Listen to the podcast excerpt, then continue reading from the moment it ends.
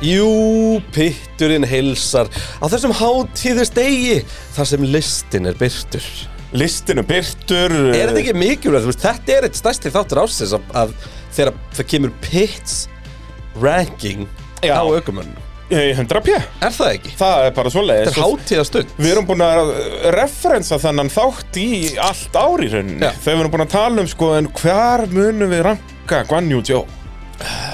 Ég, ég get sagt þér það Þú getur sagt með það en, en hérna Já, við erum svona búin að vera að pæla í þessu með að, og hérna erum við ekki að tala um bara hversu mörg stig ykkur aukumæður fekk Við erum að þetta tala um bara- bara hvað, hversu góðum árangri hann náði á, miða við á hvað bílan var með hvernig væntingan voru fyrir, fyrir tímabil Já, ég reynda hvernig hann spilaði út úr, þú veist Ég reynda reyndi að útiloka allt í haustum ári Við við erum að gera þetta þannig að þetta er, þetta er, þetta er minnlisti í dag Já, í það er, ég gerði sérst inn á pitturum.is í síðustu viku og þá var ég með liðin Já.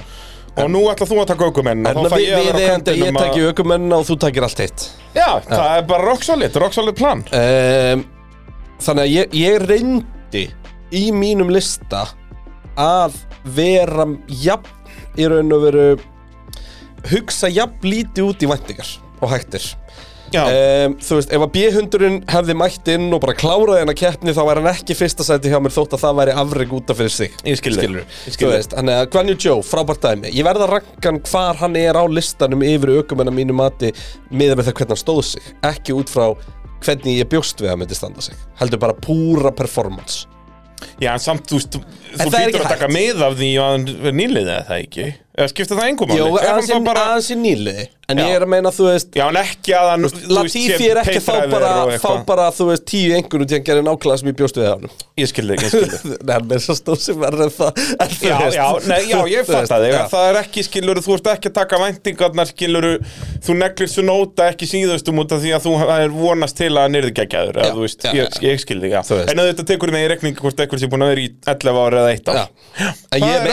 já. Ég skil þig, já Þú veist. En auðvitað tekur með í rekningu hvort eitthvað sé búin að vera í 11 ára eða 1 ár Já. En Það ég með- aðeins ég svoleiðis. með eitt sjokk á listanum mínum Wow. Á ég að skúpa því?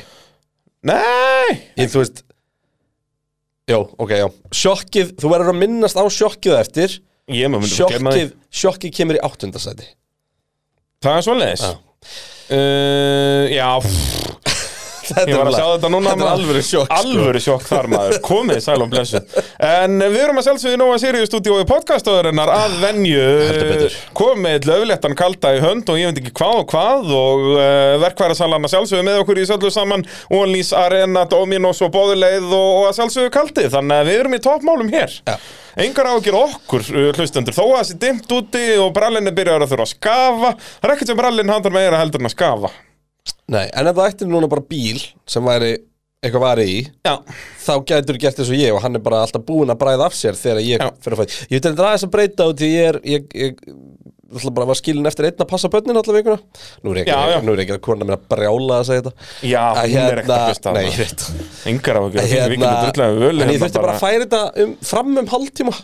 Þannig að Já, hann já, sé fara- heitur því já, fyrir já. með þau í skóla En þú veist, og ég er sammála, þetta er mjög gott að hafa þetta. Já, En þú veist, er þetta gott að eiga, vond að vanda Er þetta, hvað er þetta, 5 miljón krónar virði? Ja, 100%. 6 miljón Hefur þú sest inn í heitan bíl um morgun bara Já, og, nei, og nú er ég bara legitimately að spyrja bara, þú veist, mér finnst Píli minn hafa allan þann luxu sem ég þarf. Það er þak á honum, það er miðstöð, það er útvarp.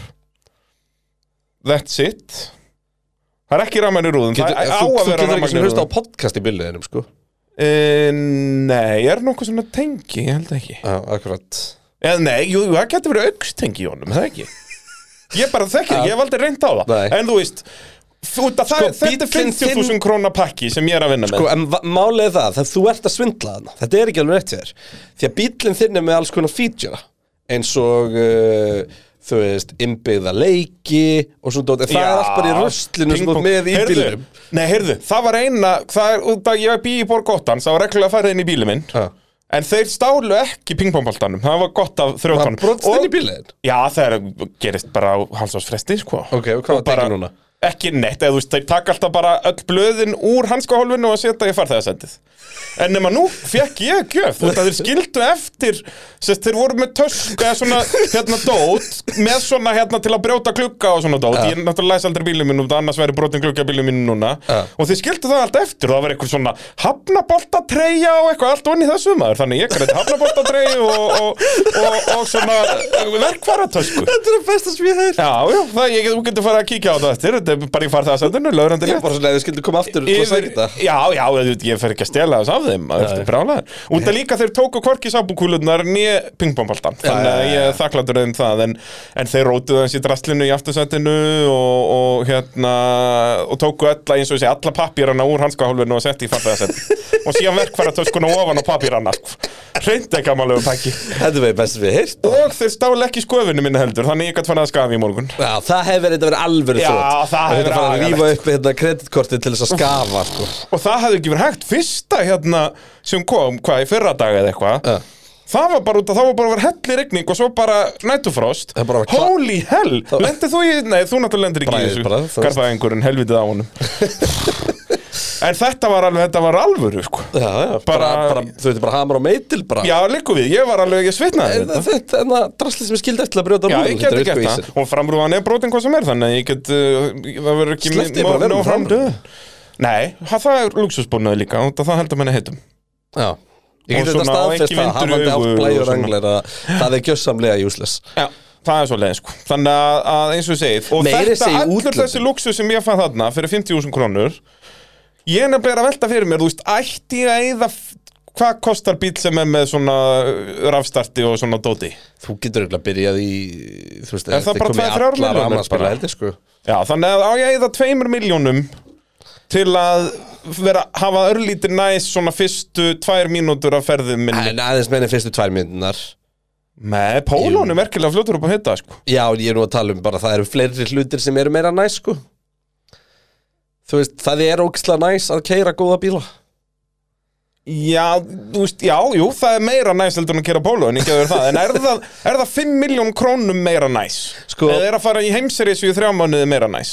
Ég, Þú náttúrulega ert bara á alltaf um staði í lífinu heldur en ég, sko. Já, já, þú veist, ég þarf ekki að vera með stóran bíl og þú veist, það er náttúrulega gengur ekki ef ég ætti þrjá krakka að henda þeim aftur pólóin, sko. Nei, þú líka bara, þú veist, bara öryggisatrið og annað slíkt sem Já, maður þú veist, pælir í ég, það, sko. ég, ég, nákvæmlega, ég velti mér ekkert upp úr veist. þessu, sko. Þannig að það eru fleiri hluti sem spila Ég segi það sko, og ég En bara þú er veist- alltaf að rekna þetta í hausnum að mér. Út af það er allir sem að tala við mig, svona sem eru nálægt mér Er alltaf, "Eh, hvað er þetta að gera á þessum bíl?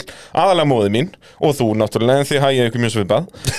Uh, Og, Þú vaknaði brælið minn. og ég, ég skil þetta ekki, sko Nei, ég hef engar ágjur að það, sko. Nei, ok, gott. Það Ég bóksnala engar ágjur Já, að það ég hafði áhyggjur að því að þú hafðir áhyggjur af mér. Þú getur farið- þú getur farið rólurinn í jólinn Já, það það er dásamlegt. En ég meina, þú veist, ég virði þetta alveg, sko Því að ef maður pælir í því, þá kostar álíka mikið bílinn þinn og fyrir mig að taka leigubíl úr hafnafyrinni í bæ og tilbaka. Já, Þannig að þú veist, það gæti actually bara borga sig að eiga bara nokkra svona, bara hingað og þangað um bæ og lí, annar luxusandrið sem er við að eiga 50.000 krónar bíl Er að mér er nákvæmlega sama Það er bara, þú veist, eins og ef að þrjóttanum hefði dottið í huga bara að stela bílnum. Bara berja upp sílendirinn og bara fara með hann.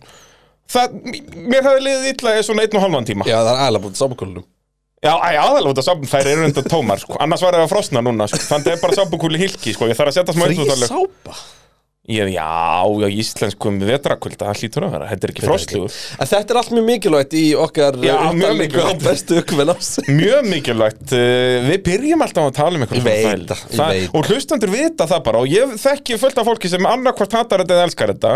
Fólki sem hatar þetta, það spóla bara áfram. Já, hérna, ég, hef- ég ekki séð það í gögnum að það séu margir sem gera það Nei, svo sem ekki, sko Hérna, við settum líka nýtt met í þessu í þættinu sem komin Já. á pittunum.is um helgina Það var líka, þá var þetta, voru hlutvöldin vitlaus, sko, það var þetta 60% vitlaus og 40% tala um formúlu. En þú veist, þetta var svo mikilvæg vitleysa Já, Við vorum að gera já, upp eitthvað já, alls já, konar já. dót Já, við vorum bara í, út af við höfum ekki séð hvern annan þá alveg í Já, viku. já, eitthvað. alveg, við vorum að tala um, Við vorum eins og ferðina turtildúfur mína bara. og alls konar, já, já, ég er ánægður með bara allan anskotan, sko. Herðu, uh, já, ég hérna, ég ringdi í gögnin aðeins Já. En þetta er líka bara byggt á minni skoðun Þú veist, þannig að það, það þarf að taka öllu með, með fyrirvara Já, og það, þess vegna ætlum við bara að ræða hvern og eitt, skilur. Ef hún ekki bara byrja á 20. sendinu, eða?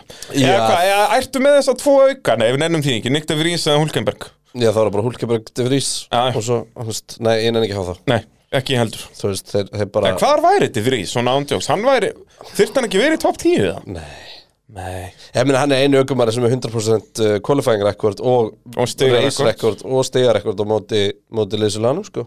Já, Hann er- og bara Hann er heldur bara Hann er eini sem skoraði stig í öllum keppnum. Já, hann er sennilega á topnum, sko.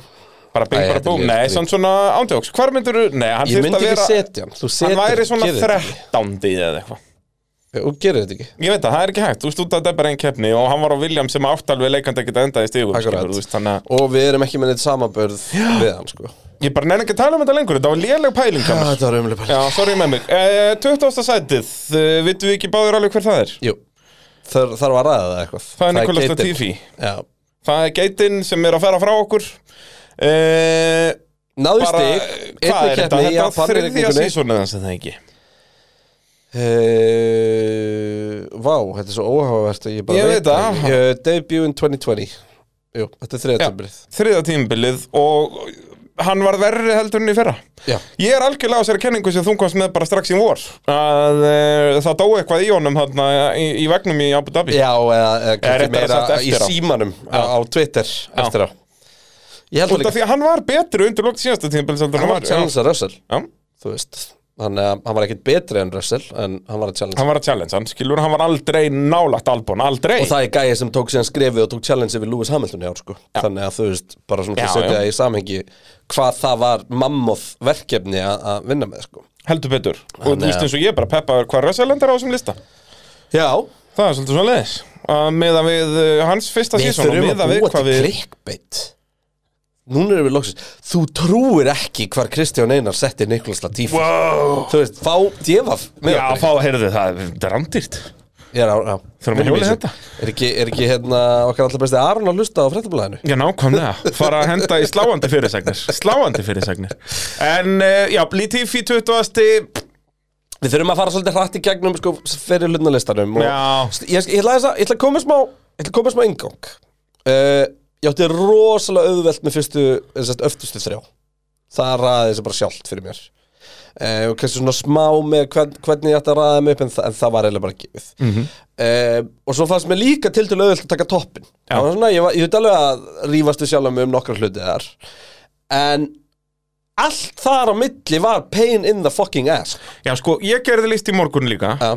Uh, Áður en við ákvaðum að gera nota þetta format að hafa mig að rífast við þig Já. Þú veist að nota þinn Já, lista samt með lista Ég segi það, það er sem er fínt að hafa svona til við miðunar uh, Og það var nákvæmlega sem mér. Já. Bara 20 öst upp í 17, ekkert mál. Og svo bara fór, þú veist, er ég alveg að fara að setja bara gastli eða eitthvað? Ó, ég get ekki pælt í þessu. Fór það á toppin Fór að gera 1, 2, 3 niður í, niður í fjórða Nei, bara í þriðja, ekkert mál. Já. Og svo náttúrulega hendi okkon bara í tíund og það ég vissi að hann væri þitt heilaga viðmið og reyndi að vinna mig síðan eitthvað út frá honum en síðan þegar ég var samt búinn að gera allan listan þá var ég með alls konar nöfn á kolvillisum stöðum bara svona þegar maður Já. glemdu, veist, allt í unum að Bottas komin í fjórðasæti og eitthvað bara svona, heyrðu, já, ég þarf aðeins að laga þetta og þannig þetta er bast, sko, sko- ég, ég finn til með þér. Latifi er með, það er ímislegt sem að Latifi vann sér inn til að vera síðastur. Hann er til dæmis með mesta munin á milli sín og liðsfélag í tímatökum 0,81% Hann er með uh, sérst, rekordið hans á þessu tímabili uh, í tímatökum sérst að er uh, fjórir, nei, þrýr á móti átján. Já, já, já, hann vinnur þrísvar Og þetta er bara, var þetta á- bara á móti Albon, þú Já, veist. já, já. Það er ekki móti til frí. Þannig að þú veist, það er alls konar í þessu svona sem er bara, þú veist Þetta bara, þetta var þú veist, og líka bara gæi. þessi, hérna, Monsa-keppni, þú veist, þú getur bara að horta hana til að negla þessu, sko, kemur gæi sem hefur, þú veist, gat, hafði ekki líkamlega burði til að keppa eða keppni Já. og pakkar honum. Akkurat Og þú veist, hafði nánast aldrei keirt bílinn og bara, þú veist, þetta er bara svo lélegt, sko. Það er bara glata, ég nefn ekki þess að tala um þetta Nei, en það er nokkuð. Hættu bara, næsta sætið eh, gæti komið þér óvart Gera það samt ekki. Nei, Því að við vorum, við tölum um þetta með þess að á fimmtudaginn en á petrum.is. Og þá svona, föttuðum við það ekki strax, en síðan um leið og við föttuðum það, þá auðvitað er þetta Daniel Rikard. já Það er alveg málið og, og þetta er alveg samt bara borderline sko, hvort hann væri bara 20. Sko. Nei, nei Ef við Ég- myndum taka væntingafaktorinn inn í þetta, þá væri hann 20. Já, væntingarnir mér voru nú samt ekkert svo háa fyrir þetta Nei, svo sem ekki, hann var búinn að sína að hann geti ekki unni Norris En ef við aðeins setjum þetta í samengi Hvar settum við McLaren sem lið? Var það ekki bara í þriðja liðlegasta lið að vera næst liðlegasta lið? Hann var ekki þriðja liðlegasta, Ja. held það. Jú, Williams, Alfa Tauri var liðlegast svo Williams og svo, svo McLaren. Og ég er búin að, búin að pæla í þessu mikið. Ég held að sko, ef við horfum á þetta alveg mjög ekki með grúndist Aston. Það var Aston McLaren. við, við hækku, ég Já, hækku alveg rétt, já, já, já. Hérna þú veist ég held sem McLaren sé bara ógeðslega lillur Já, og Norris er bara geggjaður. Já. Er það Norris bara að fara að vera í topp þreymur bara, löður þetta lettur kemur ljós. Þú verður þá eiginlega að gera það ef þú segir þetta. Ekki verið, við viljum ekki fara að skúpa einhverju hérna Nei, fremst ég er bara að segja bara hvernig þú verður að hafa listaðinn. Já, ok. Þetta er bara listin að bara. Hérna Já, þannig endaði þetta- liðalistin. En það breytir því ekki, þetta qualifying gap er svakalegt. Og eins og þetta er næstæst, þetta er 0,6% Já, hann var bara aldrei í stigasætti maðurinn Nei, ég veit það Og, Og Norris bara alltaf við horfum- sjöundi. Ef við horfum á samanbörðin sem er svona sem skemmtilega að gera þegar við fyrir að tala ofar á listanum um þá sem voru betri sko Já. En bara tímatökur er til dæmis 19.3 Já. Þetta er basically bara Það er sama, á Latifi. Sko. Uh, Og í hérna Í uh, keppnum þá var þú veist Danny Ricardo 5 sinum framar heldur en Norris Norris 17 sinum framar heldur en hann Já, og þannig eru náttúrulega að tala um að þú veist bílar bila og allt þetta skilur að, hérna, Já, McLaren endar, hann bilaði eiginlega ekkert hjá Norris. Mástu, hann var búin að kera alla ringi Messættismótorum bara bila ekkert. Sko, Norris kerði alla ringi á árun nema 41 Já, veist, við þurfum líka að pæla í því að keppnunar sem að Ricardo vinnur Norris er til dæmis bara einn þeir voru ennþá bara með ónýtan bíl og þá nær Ricardo 14. sæti og Norris er 15. Einmitt Þú veist, þannig að þetta er ekki Algjörlega, algjörlega Algjörlega Og- en, pakkaður. En ég hérna Þú veist, já Hann pakkaði hann bara Og þú veist, bara vonandi, þú veist, einhverju drauma heimi þá fer hann núna eitt ár hann í þetta Red Bull B-roll og, og, og svo fara hann eitthvað spennandi sæti á næst tímabili og það er bara ekki, herru, wow, já, þannig gaurin sem að var alltaf svo geggja árið, hann er skemmtilegur allt annað, ég bara er ekki að sjá að gerast. Ég held að það sé bara búið. En þú veist, maður má vona Já, hvað er hann gammal? 33? hann er árið yngri ég held ég, hann er ekki 90 model 32, sem er hvað 32? Það er samt ekkit það er engin aldur, sko. Þú veist, hann er Hulkenberg- 33, hann er 89 Hann er 89 Já, ok. Að, hérna. Hérna, en þú veist, ég minna Hulkeberg er að taka comeback 35 mm -hmm. Hann Og Hulkenberg er ekki nálægt jafn góður og Ricardo Já, þú veist, Pík Hulkeberg og Pík Ricardo er ekkert á pari, sko. Nei. Þannig að, uh, en allavega Ég vona að hann komi aftur en uh, já, Já. Þá er hvað? átjönda seti Yes. Það er þetta með uh, Mick Schumacher. Já, ég bara gat ekki haft hann úr Nei, þetta er eins og segi, ég var alveg samanlegaðir hann með þessi svona fyrstu nöfn hann og ég setti þau nákvæmlega sömuröð bara Schumacher, bara hann var ekki nógu góður og þú veist, Nei. út af liðsfélagarnas var líka Kevin Magnussen sko, sem er Og mesta sko, mekk Kevin Magnussen Svona þegar maður skoða tímabilið hans og hann verður dregin mikið niður fyrir það á eftir er að hann fór í svo mikið svona nennis ekki mót þegar að hann sem var lillur bara, Magnussen Já. Já. Þú veist alltaf þegar hann sem var góður þá komst Mick ekki nálagt Magnússon Já. þegar hann sem var lélur þá var bara Kevin bara, já, já, það bara, þú veist, ég bara fæ borga fyrir að kera hana bíl, sko Já. þú veist, og hérna sem sannast er bara best í því að, að þú veist, Kevin Magnússon er múin að taka hvað stig þrísvar áður en að hérna, Mick næri sín fyrstu stig og í báðum keppnum sem að Mick næri stig þá næri Magnússon líka í stig. Og svo heldur Magnússon áfram að ná í stig í Japan, í Brasilíu þú veist, menna Magnússon Alltaf þegar að tækifærin eru, þá er Magnussen mættur. Já, Magnússon actually, uh, nei, hérna Mick tekur stig í Bretlandi og í Östuríki That's it. Já, röð. náttúrulega bara dutt allir út. Já, og og Östuríki var hansinn bara solid en það er ekki líka bara nokkuð ofalega þar. Þeir taka báði stig þar sko. Má Jú. Mikk er sjötti þar Það er bara djúvellig gott, hann er Hann er- áttundi á Selvestón og sjötti í Östuríki jep.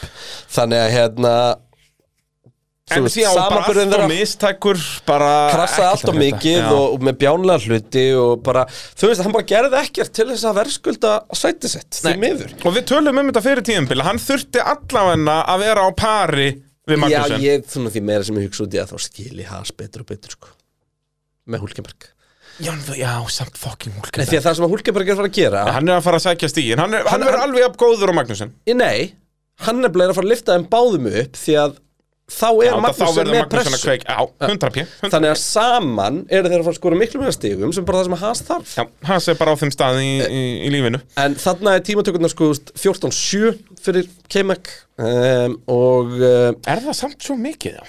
Út af mikk átt alveg nokkra góða tímatökur já, en það sem er áhugavert er að Mick endar samt oftar fyrir ofan Kevin sko. Í kefnum? Já. En þarna er mitt talar um þetta. Þegar þeir voru að berast um átöndasendi þá nefndi Magnúsin þess ekki, sko. Og meðan að mikk var alltaf En bara Magnús er sama með mætti þegar það skiptir máli sko. Að ég segja það, ég segja Þannig það. Uh, 17. sætið Já, Þar eh, hendur Yuki Tsunoda.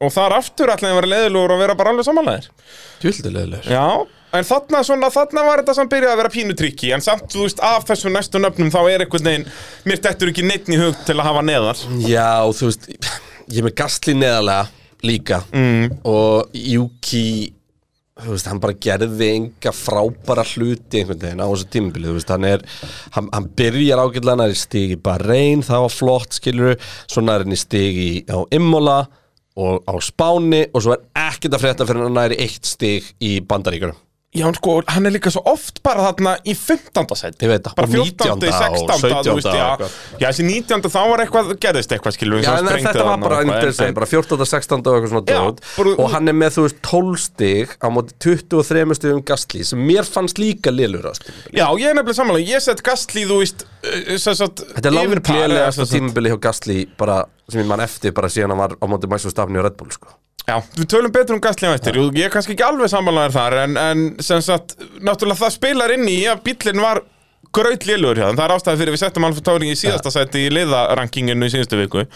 Uh, Þannig að Og Juki, þú veist, og hann gerði ekkert Það var Ég- ekki neinn svona bright spot, skiluru Nei, þú veist að meðaltali var Juki að ræsa 14, sérst, meðaltali hans á grittinu 14.05 Gastli er 11.8 þú veist, eh, meðaltali að klára í keppni hjá, hjá Juki er 13 Já. þú veist, Já, þetta er 13. svona þetta er svona, þetta er bara óspennandi Já, Og er hérna- að reyna að banka í stegasettin og þá er ég sér að taka bara keppnina sem þetta er ekki út í sko.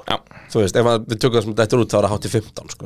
Þannig að hérna, það, er ekki, það er ekki spennandi og mér fannst bara Juki lélegast tímur og Juki er bara drullu heppin að a Uh, er Helmut Marko engin- virðist þykja hann alveg óbóðslega sjarmirandi náungi. Hann sér eitthvað í honum. Og B, og Japans er náttúrulega. Já, Honda-tengingin er, er, kemur sterkarnir. Og B, það er bara engin. Það er enginn að dyrnar. Neitti frís til að bjarga hinnu sætinu. Þú veist, það er nefnilega málið. Ef það væri einhver bara pínu lítið spennandi þarna Þá væri Juki farin Ef að Gasly ekki var yfir þá hugsa ég að Juki hefði farið fyrir frís sko. Já, ég er svona báðum áttum þar Já, kannski en, en þú veist, útandi frís er ekki Red Bull okkumaður sko. En ég held að- að síðast, næsta sísón er síðast sjansinu Juki Já, 100 p Hann bara, Annars fer hann bara fyrir eitthvað Það, þú veist, þá kemur bara svona Hulkenberg dæmi sko. kannski ekki hjá Toro Ekki hjá, ekki hjá Alfa Red Tauri en, en Nei, já. nei, en, en þú veist 100% það, Út af því að það vantaði Ég skil alveg okkur, bílinn var lélegur og þess vegna er hann á meðaltali 13. sæti En það vantaði þetta að koma bara einu sinni eða tvisvar Eitthvað svona Þú veist að við töluðum um hann basically. Við töluðum aldrei um hann, allt tímambil Þetta var bara á hann svo notaði þetta 13. Að, þú veist, það vantaði bara að fá þessi pínu pínu glimps af ykkur að heyrði, já, hann er, hann er sigur. Gasly var ekki að pakka honum í jafn svakalög í fyrra Nei, nei. En það var bara ekkert að frétta og En þú það er einmitt þá, ég skrifa það líka bara meira svolítið á Gastli, sko, eins og þú varst að tala um á En Gastli var ekkit spes. Nei, og hvorið er að verðist á fílan Alfa Tauri Jú, Alfa Tauri er bara Það er lélugur bara greit lélur, það er bara svo leiðis uh, Þetta er að sjálfsögðu allt saman í þægilegu samstarfi við Ólís uh, um að gera að uh, fá Ólís leikilinn, þið þekki þetta hlustendur góðar. Ólís.is og það er hópurinn pitturinn eða, jú, er það ekki hópur eða já, vel, já, já, það er svona eitthvað eitt fíld sem þú getur fyllt inn. Já, og þá skrifar bara pitturinn. Ekki flókið mál og þá færðu bensinnið ennódýrar á alls konar fríðindi. Jip. uh, 16. sætið, þar er þú með Guan Yu Zhou. Já, og þar er ég mynd að byggja þetta á hérna á þessari pælingu Bara svona- um bara svona, þú veist, raunverulega hvað fannst mér um, um gæjan. Uh, Var þetta ekki einu nýliðin í ár? Jú, Hérna, einu nýliðin í ár. í, í, með full time drive. Já, og Þú veist, mér er alveg stansið solid, skilur En það, þú veist, nöfnin sem hann er komin að inn í er ekki léleg, léleg, skilur Men sko, ég held að ég hef haft hann örlítið ofar ef mann rétt. Mér minnir að hafa með hann fokkavala á listanum mín Ég var með hann 13. hjá mér. Nú, ok, ok. Sem sagt, og í- eina ástæða fyrir ég myndi bömpunum aðeins ofar er, þú veist, þá er ég að tala um hennan væntingafaktor, sko, út af hvað, þú veist, hann var ekkert spes í Formúlu 2, er bara, þú veist, ég hafði svipaðar væntingar og bara Mazepin. Sem sagt, áður en að við vissum hversu lélegur Mazepin var, en þegar Mazepin var að koma inn, þá er þetta bara hann er að borga fyrir sæti sitt, var ekkert spes í Formúlu 2, og, en síðan náttúrulega var hann ennþá lélegur, en ég var mest svoleiðis Ástæðan fyrir ég get ekki að nóra er það, þú veist, ok, ég sá hann Ég var Bottas tók alveg pínu svona Magnúsin syndrom á þetta Já, 100 p. Að, þú veist, ef þú horfir á trendið þar sem þú komin í sjöundu keppni og valdir í Bottas sem er 40 stig en Guanyu Joe með 1 En þú manst nú hvað ég ofar óheppin. Já, já, og ég, er- ég ætla ekki að, ætla að draga hún á því En Joe dettur samt ekki úr leik fyrir í fyrsta skipti í Miami. Þú veist, það er fymta keppni tímabilsin, sko. Og ég var að tala um bara hvað til spánar. Hann dettur þar út líka. Þú veist, þá er hann búin á einu tíundasæti En Joe náttúrulega ákvaða að eigna sér 11. sæti þarna framan af. Já, um, var ólsegur í því. Já, en þú veist, við erum að tala um að í keppnum að sem að Bottas kláraði sjötti datt út, datt út í sáti, sko Já, byrju, hvað gerðist hjá Joe? Jú, immóla, það var allt gastliða kenni í sprettkefni, mástu. Og klansar hann á, hann ræsir aftast. svona, svona dífu, þú veist Já, en þú veist allavega, hann ræsir aftastur þar. A- Algjörlega, þú veist Og svo erum við að tala um, þú veist, bara 8., 5., 7., 7., 9., 11., 7. Bara fram til Kanada hjá Bottas Á meðan að Joe skorar ekki aftur stig fyrir í, í Kanada og þá er það í 8. setinu Hann skorar bara stig þrissin og timbil 10., 10. og 8. En, þú veist, hann er ógæslega óheppin að þarna fyrstu, þú veist, tíu kefni tíumbilsist Þetta voru út í næstu helming þeirra.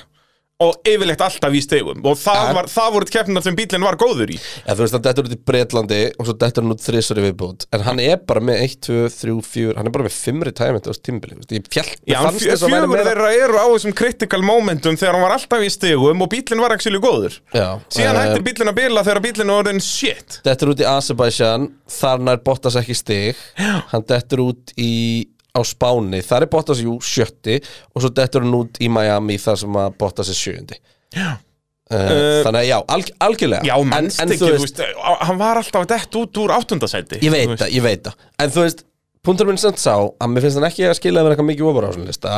Nei, veist- ég er svo sem alveg samanlega, kannski ekki mikið ofar En hann síndi, þú veist, hann var flottur í Ég við meina að Joe klára þetta tímabil 8-12 í tímatökum á móti Bottas. Nákvæmlega, og Bottas er tímatöku aukumæður Hann klárar 7-15 í hérna í uh, Keppnum. keppnum. Og uh, þannig já og notabili þess að tímatökur eiga bara við um þegar það er ekki sprett keppnaldig Já. Þannig að Þannig að, svoleitt fyrsta sísón, þú veist, já, persónulega myndi hafa hann eitthvað aðeins ofar en ég gúttir að þetta alveg. Út að líka þá, ok, maður segir ok, hafa hann aðeins ofar, erum við þá að fara að bömpa hinum, þú veist, ok, næstu eru listaði Pierre Gasly. Og mér finnst Joe var Gasly miklu ekki... betur heldur en nei, Gasly var miklu betur Ég en segi Joe það, og sko. mér, mér finnst Gasly ekkit að skilja að vera í 16. seti, þú veist, þetta verður alltaf strax erfiðara Það er auðvelt að segja bara við eitt nafn að hann ætti að vera aðeins ofar En fyrir hvern.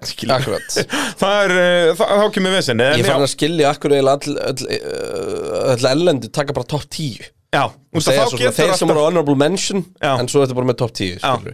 því þetta er erfitt hann Við erum í tómi basli en þú veist það er engin tölfræði sem að Joe er betri en Bottas í til dæmis Nei, nei, nei, en þú veist að maður horfði á tímabili þá var Joe Djúli góður En auðvitað var hann ekki afkóður að Bottas Þetta Bottas er bara mjög góður. En hvað séu, Gasly Gasly, þú endur honum í 15. það er það fyrst aukumæðurinn sem er betri aukumæðurinn Já, en mér fannst þetta bara ekki mér fannst þetta bara underwhelming en þá tölum við svolítið mikið um Gasly og tala um Joe og, Og ég með hann 15. nei, líka í um. Sunoda með 15. líka já. Og þannig ég er alveg sammála þessu Þó að, eins og segi, Joe svappast fyrir annan hjá mér Já, Já. þetta er bara, já, akkurat Þetta svappast mér skemmtilega hjá okkur þetta er bara ekki þetta er bara ekki En mér fannst Gastli þó vera nær því að gera það sem ég sagði að nota gerði ekki neitt af að að það komi svona af og til pínuklimps hvort sem hann var í að tímatökum að myndalega á sig Já. og ég er mjög peppaður ég er mjög peppaður þótt að ég sé búin að tala niður Okkon Gasly Alpín komboið þá er ég samt mjög peppaður að sjá ef að Alpín bílinn hendar Gasly Mhm. sem að Gasly sagði eftir æfingarnarinn menn hann er ekki fara að segja hann á deitt bara, hann er ekki fara að mæta ykkur nýtlið og segja bara ah, herru, ég hann búin að taka hérna halvan dag í bílnum og Já. þetta er skita hjá mér hann er ekki, hann er ekki Alonso sko. Nei, en þú veist, en hann var vist bara flögrandi hérna um, bara eins og hvað fyrirldi, hann var svo glaður og hamingisamur, ekki jafn mikið Alonso heldur en, en, en hérna, hann var ennþá glaðari en hérna en allavega, þú veist, ef að, ef að þessi frammendi sem að honum vantar er komin í alpinin, að þá þú veist, getur við og þá er ekki verið Gastli bara svona gæðin sem er myndað uppi að berjast, það verður mjög áhugast að sjá þú veist, eitthvað svona Gastli Norrisla og eitthvað þannig á næst tímabili það, og, og, hérna, og tala ekki um að Alpinin getur fyrir að banka í, í, í þú veist, ferri en og eitthvað svona dót sko, það er bara mjög sem að við svolítið spáum að, að, að við allan að vonumst eftir því að þeir Já, ég veit ekki, jú, það þetta er svo stórt skref. Já, ég er nefnilega, ég er búin að hugsa um þetta. Ég, ég fór svona að velta fyrir mig hvort það væri ekki eiginlega frekar sko 2024 Mm. sem að það gerist. Út af því að góðu liðin eiga ennþá inn í þróun. Og þetta eru ennþá 30 sekundur í race time hann á milli. Já, já, já, algjörlega. Að, Þú og það er djúvillig stort bila Já, það er hálfsekundur hring Já. Þannig að hérna Ég veit það ekki, ég, ég er svona ég En við, við erum sammála því að Alpín ef eitthvað lið myndi fara að banka þarna þá væri það Alpín. Algjörlega, algjörlega, ég er ekki sem McLaren gera það til dæmis. Nei. Þú veist, Og bara ekkert á að næstunni. ekkert- í þessu ekkert að trendi. það er þetta McLaren er bara Norris að vera snillingur sko. hérna, nema að það verið tróðið ykkur sokka upp í ykkur og Piastri mæti bara inn og er jafn mikil snillingur næsta ári og þá er bara báðið bara nú og hann er bara meðal en Ricardo bara var svona hræðilur hérna sem að geti bara velgjast Nei, já, þá fyrir báðir styrlaðir aukumenn En hérna með Gasly, þú veist, við vorum að tala um á hann Er þetta ekki lélegast tímbili á Gasly? það? Þetta er alltaf svona lélegast í mínu minni. Mm, Já, samt hérna Hann vinnur Já, Bull- ríkalegt Ég veit það, en þú veist En það er bara öðruvísi fara svo fucking illa að þessu Já, já, það, er mjög sammála því líka. En þú veist, vestan, nei, þú veist Bíllinn var bara ríkalegur Já, og Gasly bara hafði ekki gaman að þessu fyrir vikið Já, auðvitað. Hann er ég prímadonna, sko. Já, 100 p og, og ekki- og það eru það náttúrulega flestir í Ég þessum veit það, en ég held að- hann sé ekstra mikið það er bara mjög erfitt að mótivera sig þegar að, þú veist, hugafærið fyrir sísón er eitthvað, er reglubreitingar nú getum við að fara að gera eitthvað og, og þó að sé, ennilega, Alfa Tauri er það lið sem er erfiðast að mótivera sig fyrir út af því að þú, það er bara stjartfræðilega sanna að þú ert ekki að fara að gera neitt að þú bara mata ekki, þú ert bjelið Tveir sérar nákvæmlega, það er meira en þú veist McLaren síðustu hversu mörg árin sko. Nákvæmlega. Það, hvað, já, þetta fara til 2012 til að finna tvo Það er ekki sigra 13, nei, vá, hann var dog shit Já, það. var Peres árið þarna. Uh, Þeir vinna bara Brasilíu 12 og Monza 21 og annars, sérst já það, það, það er það tímabil sem þeir unnu tvær keppnir á. Það sem er bara mjög svipað á Toro Rosso. Það var að 2008 og 2020 einmitt Þannig að Þannig að, uh, svipuð lið þarna ferðinni. Alfa Tauri og McLaren Höldum áfram Uh, í 14. sæti Lance Stroll Það eini munurinn á listanum mínum og þínum fram að þessu er að ég svoppa Stroll og Joe Ég hafði Joe 14. og Stroll 16. Já Þannig að það er nú ekki stórfenglugum munur Mér fannst Stroll mjög erfiður Já, ég er sammála Það er Eh, eitt af nöfnum sem ég færði til þegar ég var búinn að gera listan minn Já, ég svona, þú veist Hann er óþólandi þegar kemur að því hvað hann þú veist, er oft bara í þú veist, ég er um að skoða hérna herra yfir, yfir stig, yfir árið. Já. og það er bara hérna, úr tveimur stigum upp í þrjú stig upp í fjögur stig Já, hann var alltaf í tíundasendi Það var bara Singapúr sem hann skora er í sjötta seti Já, og Abu Dhabi. Og Abu Dhabi er í stig. áttunda. Annars fær hann bara eitt stig. Og hérna og, þú veist, og sem er ekki eitthvað gott þú veist, og hann er hann all, alltaf hann eitthvað tíundi eða ellefti á vita vonlega sem Aston Martin. Þannig að hann er alveg duglegur að banka en holy, þú veist, momentin þannig er þetta anstæðan við Guan Yu Zhou út af því að momentin sem að mann eftir með Zhou það var bara hann að vera flottur í fight. Stroll, hann er betri að bankin stegum heldur en Zhou en síðan dettur hann bara í retarð bara, þú veist Stroll. Já, nákvæmlega, Brasilia, Bandaríkin Kanada, bara li- list goes on and En on. bara til að setja í samhengi Þú veist, að meðaltali þá klárar Fettel í 10,56 Mhm. en Stroll í 11,4 skilur við Já, ég minna það er bara líka við að pari. Já, þú veist, það er, þetta er meðaltalið þeirra. Þess Já, þú veist Þannig að hann er er hörku kappasökum þér Já, bara Fettil, þú veist, ég seti Fettil í top 10 Þannig að Stroll er svona nálætt, þú veist, þess vegna er þetta Fettel var einmitt eitt af nöfnum sem ég fannst erfiðast að meta. Já. og það er að hluti líka út af því að liðsfélagin er svolítið ekki, blað, sko. Stroll er, þannig er alveg stón Já, magnað sem er samt svo fyndið því að á sama tíma er hann samt svo ógeðslega solid. Ég veit það, en svo bara verður hann alveg Já, já. stöppufarinn. En Fettel vinnur, þú veist, tímatökur Fettel vinnur uh, þeir eru jafnir í keppni. 10-10 Já En þú veist, auðvitað myndi ég að segja nei, nei, nei, hérna með að Fettal vinna hann í tímatökum en auðvitað á Fettal að vinna hann í keppnum líka en eins og segi, Stroll er bara og þú veist, Þetta er hversu samt bara oft var 13-7, Stroll sko. bara strax á eftir Fettal um Eh, leið og er líka mjög byrjað að oft. skora stig þú veist, Fettal var, hversu oft endur bara í 9. og 10. sendi Mjög oft það var bara, þetta var rosalega En sko, bara til að setja í samingi, við vorum ekki um að tala um það eins og hérna með Gasly og svo nótaðan, þar var sko 0,03% tímatökumunur þú veist. Og Bottas og Joe er sérst þriðja mesti ég glemt að minnast á, það er fimm- 0,57% já, sem þetta er hengari Já, en þarna, ég sem er skil það sko. já, það er en svo mikið. kemur í þú veist Fettel og Stról, það er 0,09 sko. Glata vera ekki 0,7 bara alltaf að ná því þegar þú ert á þessu. Já, já, líkilatri og, og uh, já, þannig að hérna, þetta er svona, þetta er, þetta er áhugavert þú veist hvernig maður, maður horfir á þetta. En það segja manni bara hvað Stroll var að gera samt fínt jobb, en Stroll fær ekkert eitthvað, þú veist maður lítur á hann sem svona lesser driver og pínur rúki en þú veist, þetta er eitthvað reynslu mestu vökum með ný formúli, sko. Já, bara í söguformúlunar, var hann ekki komast á top 10 lista það? Jó, var það ekki, eitthvað, minnir flest, það. flesta ræsingar top 20 eða eitthvað, eitthvað svona fáralegt Gæin er bara búin að vera í þessi átta ári eða eitthvað. Já, og bara alltaf búin að vera eitthvað svo gleymanlegur eitthvað. Og, en, og öll moment sem að man eftir honum eru neikvæð moment. Já, það er svo, njá, nei, nei, maður mann eftir hann pallinum í Baku og Williams og eitthvað á svona ráspöllin í Tyrklandi og eitthvað svona. En já, þú veist. maður man eftir mun fleira af shitty moments heldur en hinn Já, það höldum áfram því við munum þurfa að ræða svo mikið topp 10 sko. Já, rétt, við þurfum að kera vel í gegnum þetta. Í 13. seti Kevin Magnussen. Já, það byggir bara á bara flashes of brilliance sem að koma reglulega. Það er sem sagt uh, hann, hann var umtalsett betri en mikki í tímatökum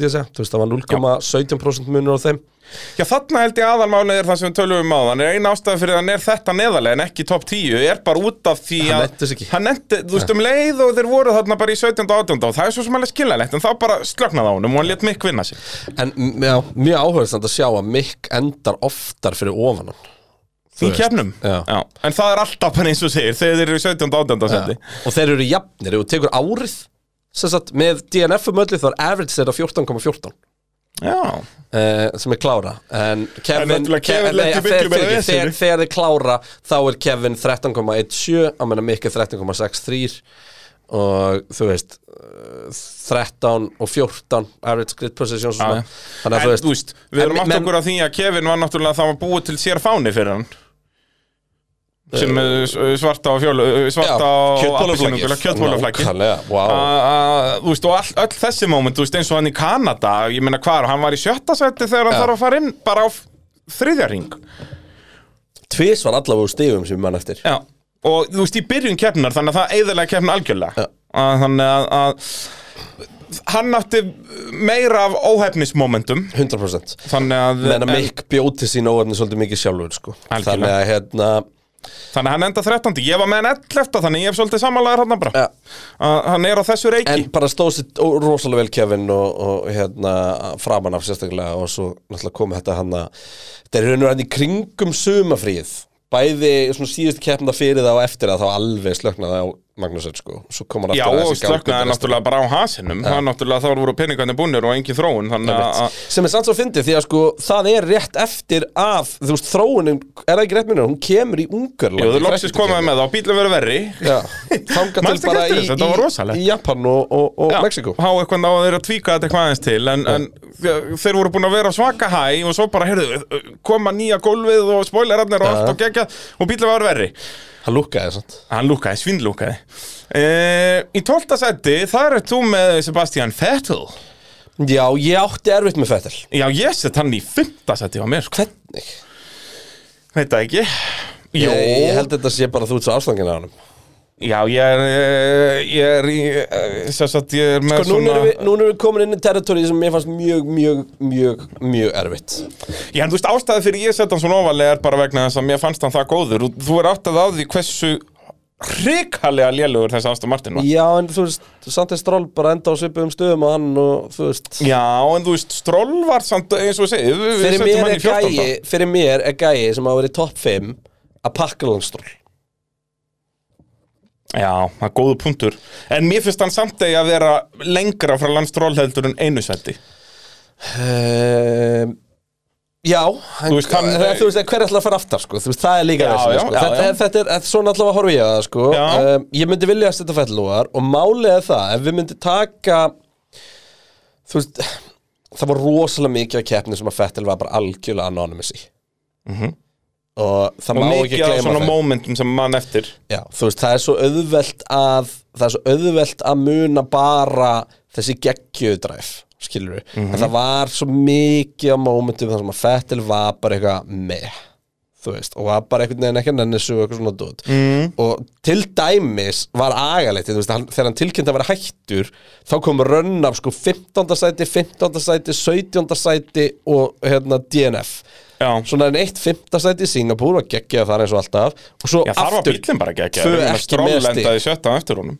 Já, en hérna þannig að þú veist, það er svona mínar mínar áhyggjum með hann, sko. En Já, alveg samanlega á handóndi bíl og þannig en mér fannst hann aldrei sína mér þetta en þú veist, eitthvað svona eins og bandaríkir en það framúrakstur undir restin og þetta bara, þú veist, jésús minn hvað það var geggjað. Já og Japan hérna, yfir lína, Jafn, Alonso og allt þetta sjá, hérna. sjá svona aðeins þetta frá Fettel var geggjað en mér finnst hann ekki endilega verið skulda topp 10 mögulega, þú veist ég ætti eiginlega að setja hann í tíundarsæti því að hann var bæði ógeðslega góður og með, skilur við Já, já, fannst þér hann vera með, þú veist, bílinn var bara ógeðslega lélugur Já, en það, þú veist það eru ákveðnir ökumenn eins og til dæmis George Russell sem að voru að kera bíl sem að var lélugur á köplum en skiluð honum alltaf á þann stað sem hann átti að fara Já, Mér það- fannst Vettel ekki já, endilega ok. gera það, Nú, ég skil þig, en það, þetta er það sem ég er ósamalega með út af því að þessi Aston Martin framan af átt alltaf bara verið í 13. senti sem hann var yfirleitt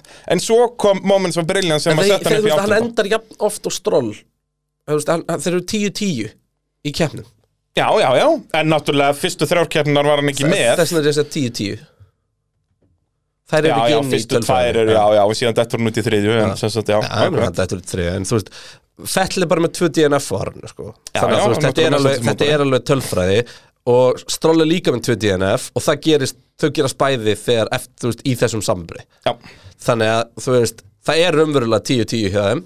Já, og hérna, já, það er ok, já, út af stról var að hanga vel í honum. En þú veist, eins og segi, mér finnst orðið mjög, mjög erfitt þarna.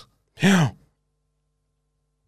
Já, virkilega, já, eins og sé, Fettel ættin Ég horfa á þessu sísonu bara svipum stáðum ég horfa á Alonso. Nei. Ok, veist- Alonso var betri, ég skal gefa en, þér svo, það. en tætt þetta reynu, þú veist við, allir sem við erum búin að tellja upp nú þegar eru í, þú veist bílunum sem að voru í, þú veist, neðrælunum nema Daniel. Ricardo.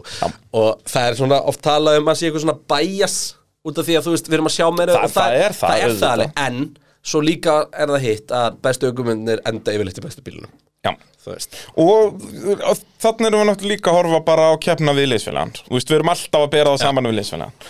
Þannig að, uh, já, Fettel í 12. sæti, það er bara svo leiðis Bóðilega sjálfsögðu með okkur í liði í pitnum Ef að þið vantar bókaldsþjónustu eða bókaldskerfi fyrir þitt fyrirtæki Og alls konar tækni og símþjónustu Að það voru bóðilegð fólki til að vera með í liði þar. Það er nú bara svo leiðis Að uh, þau styrkja pittin og þá hefur við að sjálfsögða að stunda business við þau ef við getum e, Þá ætlum við að fara upp í 11. sætið Jep. E, og þar skellur við Valdir í Bottas. Vald, er, ég ætti nú þetta að setja upp í fyrsta sæti eftir hennar sköllett sem var að koma Hann er með ekkert eðalega hugulegt hár. Og bara á mottan og allt. Ég, ég elska sumafrís Bottas. Þetta er rosalegt að fylgjast með Hann er reyndar í Ástralíu þannig að þetta er sumar Þetta er sumafrís Bottas, það er bara, er bara svo leiðis Ég hend honum hjá mér í níunda þannig að við erum að svipuður ekki þarna sko. Ef að sísoni hefði endað uh, eftir helming. Já, þá, þarna er aftur bílinn Nei, það er meira það. Ef að sísoni hefði endað eftir hálft síson þá væri Bottas í topp 3 hugsa ég. Já, Topp 5 allavega. Það er samt svo fyndið að hann er hann tapar í rauninni bara tveimur sætum á því þó hann skor ekki stig bara allan setni helming tímabilsis Já.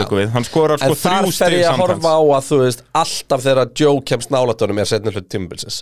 Já. Og þú veist, ég held að það hefði bæði verið að Joe tekur skref Og að Bottas hallaði sig aðeins og láta aftur í stólum Og það er bara ekki í lagi Þú veist, ekki þú ert í Formule 1 Og, og hérna, þar að leiðandi fer Bottas ekki úr Og hann var stórkostlegur byrjun tímubils þakkaði algjörlega niður í evasendunum sem ég til dæmis hafði um hann í mittfildinu og hérna bara listi það lista vel sko. Já, ég er þannig í topp 8 bara í öllum keppnum, þú veist, hann dettur út í sáti hann er bara við það að vera, topp 8 hann er bara best of the rest líka, sko, hann er bara, Bara, það sem já, Alpinin hérna. hirti henni undir lók tímubilsins Nákvæmlega, hann er bara þarna eh, sjötta seti, áttunda seti, fymta seti, sjöunda, sjötta, níunda. Algjörlega, og ég minna Alfa Romeo mætti frábær til leiks, Já. léttastur og virkilega vel smíðin, lásu reglunar rétt. Nákvæmlega. En hérna en þú veist, aftur uh, munurinn að þeim í, í tímatökum mikill, já. En svona, þú veist, í endan hvar þeir endi í keppnum og annars líkt að meðaltali uh, þú veist, að meðaltali reyndar er Bottas í sko 10,4 á veist, þannig að hann er fyrir utan topp 10 í, að meðaltali. En uh, Joe í, í 12,88 já. Um, En Bottas þarna, og ég held að ástæði fyrir ég setja hann tveimur söndum ofar er aftur út af svona eh, ég er þá bara forutn hlutunum. að vita hverjum þú sparkaðir aftur. Já, já, það kemur eitt stórt nafn á eftir sem að er mikill munur hjá okkur. Já, og hérna, uh, en já, ástæði Ég fyrir held að ég viti hvað hann er. Já, uh, ástæði fyrir því að ég hendi Bottas aðeins ofar er, þannig er ég aftur með væntingafaktorinn, sko. Út af við höfðum ekki mikla væntingar uh, eða svona flestir höfðu ekki mikla væntingar. Nei, nei, nei, hann bara stóð sér vel. Gerðu það? Og bara, ég fíla bara Alfa Romeo Bottas miklu betur heldur en Mercedes Bottas. það er Mercedes Bottas en hann var aldrei í neinu fíling þar nema bara eftir ástralíu alltaf. Uh, Svo hvarf það þegar að Hamilton braut hann niður og líka með svál Já, aðalasál uh, Tíundasætti, þetta eru náttúrulega stærstu fréttunar því að þar er ekki Esteban Okkon Þetta er stórt. Hvaða fíblakongur er þetta? Ég, við vorum búin að marg ræða þetta. Anskotin, Kristján. Þetta var sjokkið sem við varum að tala um. Já, þetta er bara, þetta er agalegt. Eh, Þarna ertu með Alexander Albon. Já Við Mér finnst það bara ég- ég held að við ætlum að vinna okkur frá tíundasættin Já, ég byrjaði því. Já, og svo bara þurfti Svo maður að bara sjá það þurfti ég að bömpa okkar Því okkar stóð sér miklu betur heldur en það. Já, já, miklu, hann stóð aðeins betur. Aðeins betur. Var, En uh, er þið ekki bara sammála þessu? Jú, 100 p. Albon bara stóð sig rosalega vel Hvar hafði ég á Albon lélugum bíl en vandamáli með okkar við að ætla eitthvað að fara að bera eitthvað saman þar er að það er engin samanbyrðu til að bera saman við. Þess vegna, ég hendi honum niður í tólta Akkurút þetta þessar ástæð Ég bara, þú veist, Albon var svona nafni sem ég endaði á að setja bara í blank sætið sem var eftir einhvern veginn á listanum. Þú veist, þetta maður veit ekki Hann var annarkvort geggjaður eða bara með, þú veist, maður, ég hef ekki hugmynd. Já, en ég meina hann allavega nýtti bílinn þar sem hann hægt að nýta hann. Ég Já. held að Albon hefði endað talsett ofar ef hann hefði fengið að kera Monza. Hafður ekki verið sjöndi, voru við ekki búin að Já, hefði ekki nófa Já, maður veit það ekki. En já, það, það. Þetta er frís áttundi eða eitthvað. Hann var Já, hann var ég og það að var Gastli og. Ricardo fyrir framan hann eða eitthvað og þetta var um eitthvað að þannig. Að verið hefði getað hangið fyrir framann þá sko. og sérstaklega hérna- lókahengjum náttúrulega ringtíminn hjá til Frísvaf bara farið nýr í uh, rusl undar hann náttúrulega var bara ónýttur sjálfur á líkam bara hann gæti ekki staðið upp á bílum eftir kefni Algjörlega. En hérna En það breytir því ekki að Albon bara gerði ógeðslega solid í ár og vandamálið þegar maður fyrir að skoða tölfræðin eftir það, það er svo erfitt einhvern veginn að lesa úr henni með einhvern veginn svo Albon skilur Mhm. en hann náttúrulega pakkar liðsulaganum um, og er bara einfallega já, þú veist, bara stóð sér bara vel. Kom bara, meðan það bara meðan líka bara allt hvernig hann bar sig í þessa endurkomi, bara flott. Og hann bara fekk fullt af plúsum í kladdan hjá mér. Þetta var svona gæði sem að ég aldrei verið spenntu fyrir sko. En ég er það alveg í dag sko. Já. Já, 100% ég er bara en, þú veist, eina ástæða fyrir að maður er ekki spenntur fyrir honum er bara út af hann er í þessum Williams. Það er ekkert að frétta hann já, veist, þetta er, þetta er röppusbíl sko. Ég, En þetta er ég get- ástæða, ég og okkar allar besti berger við vorum að ræða þetta um helgin að eh, ég, við erum ekkert peppaði fyrir Logan Sargent bara út af hann er að fara í Williams. Þú veist, þetta er ekki Nei, frétt. þú veist, af hverju það er að peppaði fyrir hann líka Já, svo er það líka, þú veist, en jú, ef hann væri að fara í Alfa Tauri eða eitthvað, það væri aðeins meini í gangi í kringum hann. Æ, þú veist, Ég bara nenni ekki sem Williamslið, ég nenni því ekki. nei Nei, Williams þurfa bara að rífa sig í gang Hann þurfa að vera mönis. þang, þanga til þá bara hann er nú ekki að spá og mikið Nei, held ekki. Hérna, En förum þá yfir í níundasetti, því það, eru fyrstu, það er fyrsta stóra nafnið. já, ég ætla að segja með Albon Ok. um, Ég held að Albon sé alltaf búin að koma svo á þann stað Það losnar svona, Já. þú veist, A-sæti, ekki A-plus-sæti Já. Þá er hann mjög ofalega á listanum sko. Hann er í samtalinu, Já. allan tíman. Það Já, er bara, já. þú veist, ef að Norris ákveður að hætta í dag, að þá er Albon alveg gott sjá þarinn. Já, þú veist, svona í þannig sæti Akkurat, eða Sainz eða, eða þú veist, allt nema Red Bull bara, basically svona, eh, akkurat, að dansa á þeirri línu alveg 100% e, Níunda sætið Já, Þar eh, hendur kreinarinn uh, Sergio Perez Já hvað varst þú með hann? Ég held bara mjög svipað. Ég er sammála því, hann á að vera neðalaðan Ég hafði hann áttunda. Sko, mér fannst ekki, mér fannst ég ekki geta sett hann út fyrir topp 10 Það var svona því ég var að setja saman listan Já, undan, þú veist eh, Hann er með tvo sigra á tímabilinu Já, og, og, og- og ráspól á eitthvað Fullt af velunapöllum og eitthvað dót, sko. Hellingi. En, En en er það, hann er með færri velunapalla heldur en Max Verstappen er með sigra. Já, Þú veist. Og ef maður skoða bara tölfræðina Vá, það er samt sturlu staðrind Já. Hann er með færri velunapalla Heldur en Max Verstappen er með sigra. Já. Á bíl sem að, í mörgum þessara tilfelli átt að vera strax að eftir Verstappen. Já, málið er það líka sko að hann, þú veist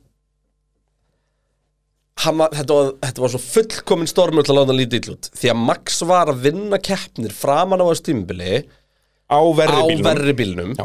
Og þá leit Peris bara út eins og í skýtnum Já, út af því að þá var hann bara berast um við bara- við sænt sem fjórðasætið, sko. Já, og þú veist og bara það að Leclerc hafi ekki pakkað öðru sætinu fyrir lungu er miklu meiri löstun bara á Ferrari ljós, og hann í ljósið þess hvað hann er sko.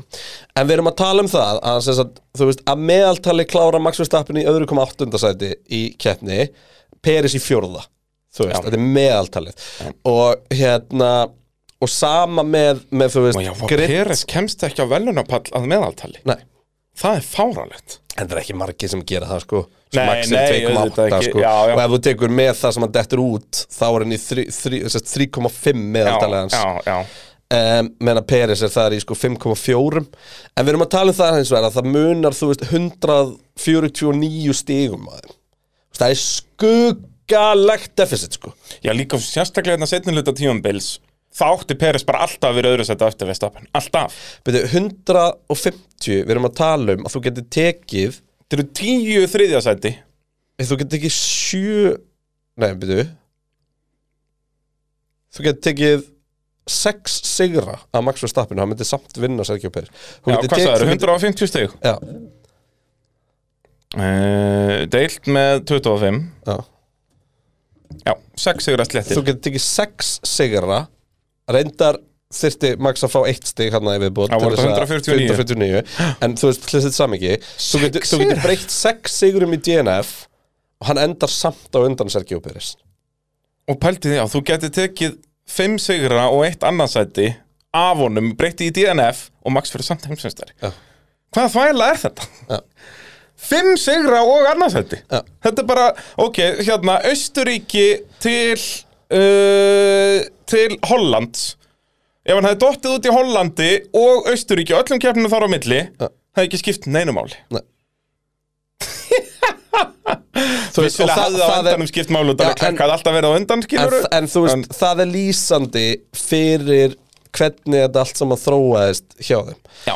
og hérna bara til að setja í samingi 17.5 tímatökur uh, verðstafni vil uh, í keppni 17.5 líka Já, og það er það sem er kannski meira, þú veist Út af Peres hefur aldrei verið segur á lögundum já en er Max það eitthvað?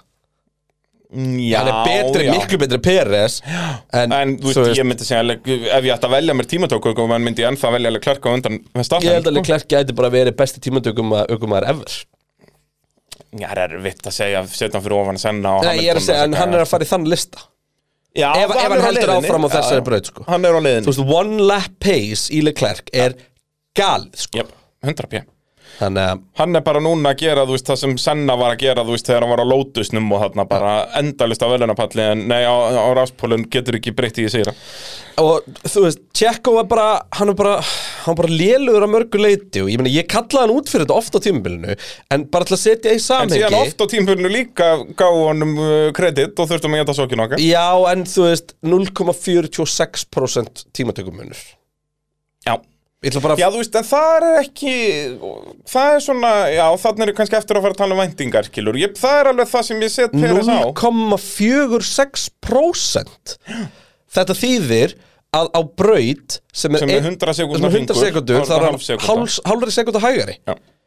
Þú veist, mannst ja, ég ætla þetta frekar að fá að tala við það með hérna, með uh, uh, verstapin eftir en, en þú veist, til dæmis hvað var pollin hans verstapin í Belgju var hann ekki 6,5 tíundar hluta undan og það var ekki Peris í öðru sæti? Já. Hann var það ekki á undan liðsfélaganum á Red Bull sem var untouchable sko. Já. og Max var ekki svona að reyna því að hann var með refsingu. Já, já, hann var bara löðrætti létt þú veist, ef þú- ef þú skoða tímatökur hring Max Verstappen hann var ekki Hann er ekki, hann er ekki on, þú veist, pushing it. hann er ekki skerili on the limit eins og, veist, eins og við höfum séð þegar Leclerc og Max voru að berast um þúsundastar hluta sko. Jep. Þannig að þú veist, við erum að tala um það að þetta er þriðji mesti munu liðsfélag nei, fyrir ekki, fjórði. Ég glemdi hérna þessu Albon Latifi dæmis riti sem er staðar Já, lengst í það er náttúrulega á annari plánit En þú veist, við erum að tala um Ricardo sem við setjum í næst síðasta sæti á listanum. Já, er Peres 0, er ekki tímatökuökumaður. en nú- Já, Hann hefur aldrei verið það. Svo Þú veist, að vera tímatökuökumæður er nærðið þessu, þú veist 0,05 sem að þarf til að vera alltaf undan. Já, eins og, þú veist, já, Peres uh, Við erum að tala um halvt prósent.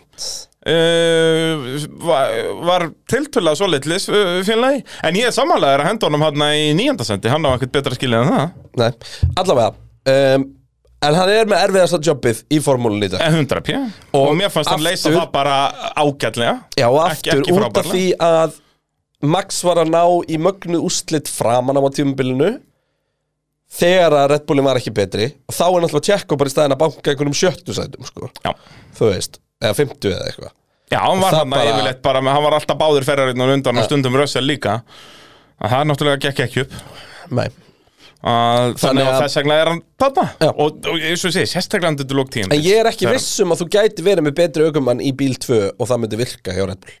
Nei, aldrei, bara, eins og segja, hann er að skila, hann er að gera sitt jobb bara með Þess, Ef ég horfi yfir listan af aukumannum sem gæti núna, sem eru eftir sem gæti verið liðsfélagar Max Verstappen þá er það mögulega Okkon og Sainz.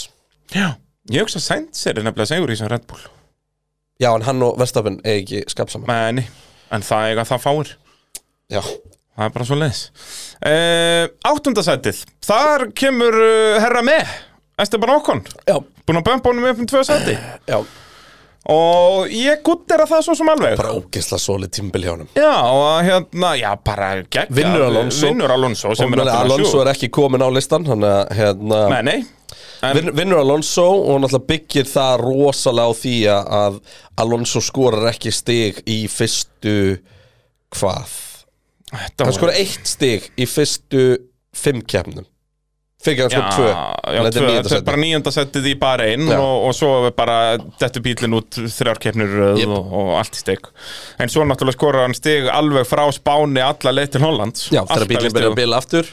Já, ég meina, ef bílinn kláraði þá var hann í stigum. Það Já, var það, þetta var ekkert mjög flókin uh, formúla. Nei, og uh, já, bara okkur bara solid, skilur við Svo lit með, veist. það er aldrei neinn moment til að tala um eða neitt svoleiðis því að hann bara gerir sitt. Já, í tímatökum var staðan 13-9 fyrir Alonso. Já, Í uh, keppni er hann 13-9 fyrir okkur Þú veist. Já. Og munurinn að það með tímatökum Í prósentum er þetta alltaf mjög áhugavert að vera með það Þú veist, svona average yfir árið.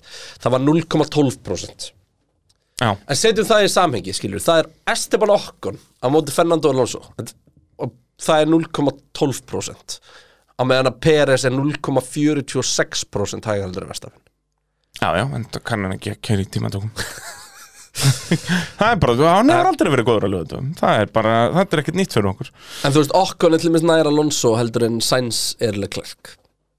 Já, Þú veist, þetta er, þetta er uh, næst sænt var slappur, já, tölum betur um það. þetta er, þetta, er, þetta er þriðji minnsti munurinn uh, Nei, vá, vá, það var svo lítið munur á Gastljósun nota, já. Þetta er, þetta er, þetta er mjög lítill munur, Já. bara það sem ég er að segja Og það, þetta er alltaf sem að sagan með okkur við erum mjög erfitt með að tala um hann Mér liður bara eins og við séum alltaf að endur taka okkur bara, já, okkur, flottur. Já, veist, þetta er orðið ógstlega fyndið, þetta með. Já, út af hann er alltaf að halda áfram með þetta og, Ég, ég líka elska að fólk er búið að segja við mig bara, þú veist, það er bara að fara að törma það bara, þú fyrir út að borða þig, hvernig er hambúrgar? Það er bara svona okkur Já, þetta er svona okkur bara. Já, ég elska þetta, ég legg til að við þurfum að, við þurfum að uh, halda áfram að kóina hann um fransa. Uh, Þannig ef við þó ekki bara skella okkur í næsta, næsta nöfn og lista Jú, Það er eina vitið, áðurnum fyrir mér það þá verðum við náttúrulega að tala um okkar allar besta fólk í verkvarasölinni Getið farið inn á waffs.is og uh, þar er öll tilbúðin og allir pakkin Það er bara svoleiðis. Hvortu eru. Nota kóðan pitturinn þar líka? Já, þá farið hvað, 10%, 15%, 15%, Þetta er rosalegt sko. Við erum hérna fyrir heimilin í landinu, það er nú bara svoleiðis. Eh, Solveigana var að senda okkur bara takk. Já, það ekki? Jú, bara Boom. alvöru búbót. Já, kann að metta þetta. Eh, Í sjöndasendi, það er þú með Carlos Sainz Já, mér var sæns erfur Já, Sainz, ég hafði hann fyrir neðan hérna, Peres hjá mér sko. Hérna, já ég er ekki samlega Hérna, uh, hérna erum við líka Þú veist, sjöundarsætti hljóman er svo sem slæmt það er það ekki Nei, alls ekki, hérna 20 topp- ökumönnum. Topp 10 Ég og bara allt í top 10 myndi það er að vera yfir meðaltali, sko Sko, ástæðan fyrir ég skrifa sæns niður Er fyrir hlutímbilsir hann Hann fór ekki vel með það framan af Að bíllinn var hraður En hann var ekki að ná að unlokka mm Mhm. um, Hann gerði það svo Og bara ef við hefðum byrjað tímabili Fyrir miðju þá hugsaði ég bara hann og, og, og Leclerc væri bara pari Skilur en- Á flestum tölum. Þarna gera hann anstæðuna við, veist, Magnússon og Bottas að, að þegar að bílinn var síðan slappur og þá sest, fór pressan af honum Já, og þá þá var hann bara sko. ágættur en alltaf á eftirlega klærk veist- ég var mest svektur með keppnisræðan hans. Manstu, já, bara í öllum keppnum þegar alveg Klerk náði að vera hanga í Red Bull bílunum þá fór Sainz bara aftur að bak og fór frekar í greiparnar á Mercedes. Bara, En- og sem komir óvart út að hann var alltaf, þú veist, mannst eftir Sainz Norris-lagnum, þá var Sainz alltaf slappur í tímatökum en var síðan hraðar í keppnum um, Þannig að þetta búið að snúa svolítið við. Var það ekki bara ekki framánu Því hann náði ekki að hérna, það var alltaf í basli tímatökum að geti verið með, með bara, hann var bara í basli með að ná eitthvað út í bílnum sem Já, svo, í, svo þegar hann var búin að ná maður þá setjum tímabilis komið tilbaka og enda heldur fyrir á undan orði sko. Já, í hann- stegum, já, já, og hann var alltaf geggjaður í keppnum, En sko, geggjaður í keppnum meðal áranguleg klerki keppnið 3.32 meðal árangur sænsið 3.5 sko. Já, þeir eru bara pari Já. Það En er, meðal árangur í, klár, í öllum keppnum Já. það er 5.5 áli klerku og 7.9 á sæns sko. og það er mjög mikið út af mistökum sens Ég Já, hugsa, duttuður ekki jafn oft út með bilun, mjög svipað. Nei, sæns var, nei, jú, þó. Við munum bara eftir Austuríki, hvað var, var aftur bilun á veist, hann krassar blöðrulega í Ástralíu og Japan. Ég ætla, ég ætla, Sæns dettur út í, í Ástralíu. Það var blöðrulegt. Já, bara mjög. Svo dettur út á Immola Það var náttúrulega bara kyrt á hann. Já, ekki Það honum að ekki honum að kenna. Bakú, það var bilun. Já, bilun ekki Nei, var það bremsubilun, var það ekki aukumarsmistök? Biluð ekki báðir ferriðarnir í baku? Hann endar, veist, út af, nei, það voru bremsubilun Já, já, já, bara á fyrsta ringi eða Já, eitthvað mjög snemma. Já, það, já, alveg rétt Hann bara leggur hennum Svo Austuríki biluvél, Já, og svo Uh, í. Japan krass krass, aulalegt krass ah, Í rigningunni. Já, Hvað var það í bandaríkjum? ég veit ekki, hann dættu síðan aftur út í bandaríkjum, ég er búin að gleyma því Ég er búin að hjá Sæns Það er fullt af hlustendum núna að Bara eitthvað, við munið, þið getur bara í þremur keppnum. Býtu, hann var á ráspól Já, hann bilaði. Nei, Russell fyrsta beigja Já, já, og svo bilar hann eftir það Já, sem að var Nei, pínu hann hættur- bílar ekkert, hann bara brotna aftur já, já, já, ég, er- ég að meina það, tjón. Já. Þannig að þú sér það, nei, það er ekkert mikið að bilnum hjá honum En hann er óheppin þannig í þessu vildu vildóti Og, tvisasun sem er kyrt á hann. Já, ekki honum að kenna. Nei, og ég meina ef við myndum gefa honum að meðaltali þetta þriðasæti hans Það var hann að fara upp um 30 punta sem myndi setja hann einu stíi frá hann George Russell. Búm En hérna, já, algjörlega, en, hérna bara, en þú veist, hann náði sínum fyrsta sigri og fyrsta ráspól Já, ég meina, veist, hann, hann endar í fimmta sæti á bílunum sem var bestur framan af og svo næst bestur og svo þriða bestur undar þannig að ég held að það sé bara mjög valid að setja hann í, í, í þetta sjönda sæti. Já Já. Æ, ég, kannski er það bara út að ég hafði, ég er aftur Hvar að varst þú með hann? Ég var með hann í bara tólta eða eitthvað Já, nei, hann náði ekki skilið Tvei, nei, hérna, hvað, hann var þrísvar á ráspól ekki tvísvar sem hann náði pól og einu sem hann ekki? pól og náði sínum fyrsta sigri og svona en þarna aftur held ég að ég sé að vinna svolítið með væntingafaktorinn sem þú ert ekki með sko. Ég er endar hef aldrei haft meira- neina brjálaða væntinga til sæns þess að ég hef margótt sagt, sko Já, ok, en þú veist, en þarna Fyrir mér er sæns pínu okkom, sko. Þar set ég hann aftur sérst, ástæði fyrir ég satt hann vel fyrir neðan Peres til dæmis, er að Peres gerði bara nákvæmlega það sem ég bjóst við á honum. Sainz var verri en það sem ég bjóst við á honum miða við hversu góður bílinn var. En málega það, ég, eitt sem ég ætla að segja. Sæns þurft Rikki hins vegar Málega það Sainz er greinlega mjög gáfaður aukumæður -hmm. Og það verður ekki tekið að Sainz að munurinn á því sem að Vandamáli klerk á tímabilinu var að mörgu leiti að hann tristi liðina mikið. Sainz fó bara fettil leiðina ef á Hamilton leiðina sem var bara að sitja í bílnum og hafa skoðun á keppnisallni mm. ef þú pælir í, Fettil gerði það aldrei hjá Red Bull. Hann byrjaði með snemma á því hjá Ferrari. Já. þú heyrið þér umræðunar um keppnisállina bara í, þú veist, talstöðinni. Sainz tekur kallið að fara hérna eh, á Silverstone. Það er Sainz kall. Um, hann tekur það aftur í Monaco þú veist? Já, akkurat. Og í bæði skiptin er þetta skilunum Crucial sigri bara. eða, eða upp Uppfyrileg klerk allavega. Og hérna þannig að hann er og, og þú veist, hann vann rosalega mikið af því að ná bílnum upp á level. Þú veist, eina svona sem ég get sett út á sæns á tímabilinu var hvað hann var pína að missa hausin í byrjun við að reyna að nálega klerk Já. Og var að koma sér í astnalega stöður fyrir vikið. Og síðan, þú veist, ok, eins og og við líka, segjum hann, á, hann á líka Imola sorry, eitt viðbútt þarna í því samhengi, það var líka, það var eins og hann áttaði þess aldrei á því hann væri með hraðasta bíl veist þessi í Östuríki, nei í Ástralíu þar sem að í staðin fyrir bara taktu bara annarsætið, þú varst með það easy. Já. þú veist, Það í neitt í að átt að gunna á sigur í, á 50. Já. heng og hann var basically að gera það sem að, ekki að gera það sem við erum búin að hrósa verstafinn fyrir allt tímubili sem var þetta kalkuleraða dæmi sko. Og bara við höfum prósað sænt fyrir þetta líka undanfærin ár. Hann hefur yfirleitt verið þessi en ökumæður hann hefur líka aldrei bara verið á bílnum sem að gat verið að Nei, taka sig það, þess vegna fór þetta í hausina á honum sko, eins og á Ástralía er besta dæmið um það hvernig hann held að hann þurfti bara að vinna sem um fimm sæti á ring Já. sem var bara þvæla. Og ég meina keppnin sem hann endur á að vinna er kannski ekki keppnin sem hann átt að vinna sem fyrst Nei, sigur alls ekki, ég minna það var alltaf bara, þú veist um miðbygg keppnar hafði ég sett miklu meira pening á Hamilton sigur fyrir hann að seint sigur. Já. Uh, þannig að, að og það svona, sérst, keppnisáætlun og allt þetta hjálpar honum en, en já, Sainz er uh, sjöundi. Svo kemur landi hans í sjötta seti, Fernando Alonso. Já, Alonso var erfiður aftur því að þú veist, það er, er erfitt að fara réttlandinga fyrir hversu óvalega hann á að vera en þetta var bara styrla tímbili honum sko. Þú veist, óhefnasti maðurinn á grittinu 100% já, sko, ég er með hann á svipuðum stað en ég er samt einhvern veginn að já, ég er bara á nákvæmlega saman stað uh, Þetta efast um það. Já, miða við hvernig við töluðum um okkon og þeir á endanum voru bara á pæra þú veist náttúrulega Alonso enda með færri stig en Ég meina það er bara óheppni. sæns á milli þeirra. Það er bara sent á milli þeirra og Alonso var já, jú, jú, þetta er bara hár rétt hann er sjötti Hérna 13-9 í tímatökum fyrir uh, Alonso 13-9 í keppnum fyrir uh, Okkon eins og fórum yfir aðan og, og, en það er náttúrulega kemur óöfnisfaktorinn hann inn af því að Alonso náttúrulega kláraði fullt að keppnin með bílaðan bíl Já. En Esteban Okkon klárar Já, já, já, já, já einmitt, með bilaðan bíl Já. En Esteban Okkon, og til dæmis eitt sem að skemmir þessa tölfræði svakalega er bara Mexiko þar sem að Alonso dettur út en er classified veist Já, og hérna Kanada endar hann með bílaðan bíl og, Ja. og, og En- fleiri og fleiri hvað, Austuríki endaði hann á En Mér, mér fannst það Alonso bara sín okkur ótrúlega margt og ég væri svo peppaður ef hann myndi taka eitt lastans í einhverjum alvöru bíl á næst tímbili, hann er bara ekki að fara að gera það. Við erum bara búin að tala um þetta núna bara aftur og aftur í ár. Uh, ef það er verið að skrifa fokkin handrit en að gera það almennilega. Já, nákvæmlega.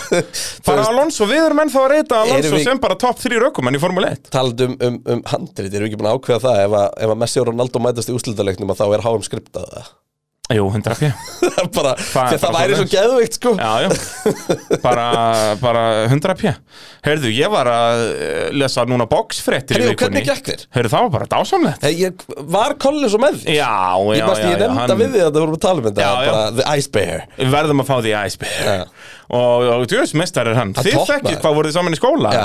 Þetta er sérst bara besti boxari landsins. Álega eldur ég. Hérna, en síðan sko einn fætin þar talað um, talandi um svona scripted stuff að þar er núna bara mjög háar sögursagnur um það að einn fætin að hafi verið Rikkaður riggaður sko, sem Já. hann eftir að þekkist alveg mikið í bóksinu út af því að það var gæi, þetta var sér satt ekki titlekartið heldur einum fyrir neðan þar að e, þar var gæi sem að sér satt slitnar allt í hnén á honum bara eftir 30 sekundur og hann bara er hoppandi eitthvað aðn og getur ekki gert neitt þannig að fótavinnan er nummer 1 og 3 í bóksinu uh, og er bara þögt og hinn gæðin bara byrjar að sækja og sækja og sækja sem að var geðið mikið underdog uh, síðan í annar lótunni þá byrjar hringaðin svona að sækja þess og svo bara hættir hann að láta hann vinna með fótunum sko, byrjar bara að standa kjur og, og fær þá bara að högga á sig og svo klárar fótbrotningæin þetta í þriðjulótu og bara, hmm þannig að það er mikið verið, verið að tala um það að það hafi verið Virkileg það er, en jú, Alisa Fox er uh, príðiskoðskemtun Já. það, ég, ég get sett þetta í Ég reymslu náði ekki að horfa þetta Nei, það náðu því fáir en uh, þannig er staðan. Nei. En það var þetta líka, þú veist, meini ventið var stöðullina Tyson Fury var 1,04 Já, Þannig að þá þú þurftir ekkert að horfa á þetta. Uh, En hvað um það? Uh, við erum með Alonso í sjötta í fymta sendinu og þarna held ég þessi aftur samanlega Nún er, er ég frekar samanlegaður með allt sem eftir er. Eins og við tölum um á þannig að efstu fimm og neðstu fimm var tiltölu easy. Já. Uh, og í fymta sendi er Lewis Hamilton Já, mér En fannst þetta er samt nafn sem að eða, Þú strögglar með þetta þengi, já, ég gerði það allavega mm, Já og nei, ég strögglaði með alla þetta því að þetta er, þú veist, hópurinn þarna mínus fyrsta sæti sem allir vita hver er Mhm. var bæði góður og lélur á svo svipaðan hátt Ég sko, þegar ég byrjaði á listanum mínum neðist Já. og var komin upp í 16. sendi Já. þá fór Hamilton upp í hausana mér þar, sko Nei Nei, þú veist, ég síðan endaði ég á að hugsa um það, sko Já. En, en, En það veist, sem ég strögglaði það Það sem mér fannst áhugaverðast Já. var þegar ég fór að skoða medíuna og var svona, þú veist, ég var bara að lesa umsæðni fólks og eitthvað svona, Mhm. þú veist Það voru flesti með Hamilton ofar en Russell Aha. Já.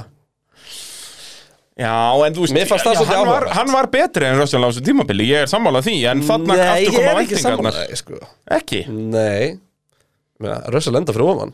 Hamilton var að koma sér í vesen. eh, Já, en Hamilton var óöfnari. Er það samt? Já, hann er byrjun tíðanbils alltaf. Bara hann kemur inn, kemur örgisbíl Já, en þú veist, öll, svo allt, svo öll þannig köll aftur honum svakalega.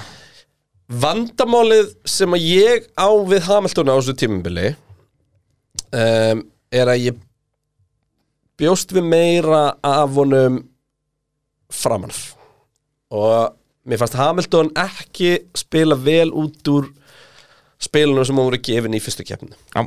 Og við tölum um þetta í, í hérna, fyrir stöttu síðan. Og ég er alveg sammálaður hérna Þegar hann vissi bara st- strax í fyrstu keppnina hann var ekki að fara að berast um heimsastrættill Já, og þá stöknaði bara pínu á hann Og ég er bara að sjá þessu spunnið upp á alls konar hátt. Já. Að framan af hafi Hamilton einbett svo mikið að bara eitthvað að þróa bílinn og, jari, jari, jari að koma fyrir þetta. Að meina Russell var að kera besta formúlubíl sem hann hefur ekkert maður kert Ég segi það, hann var í draumalandinu Þannig að hérna auðvitað motivation er herra hjá Russell og eitthvað svona en bara málega það að þegar þú ætlum við Hamilton ef þú ætlar að gera þetta þá verður að gera þetta alveg sko.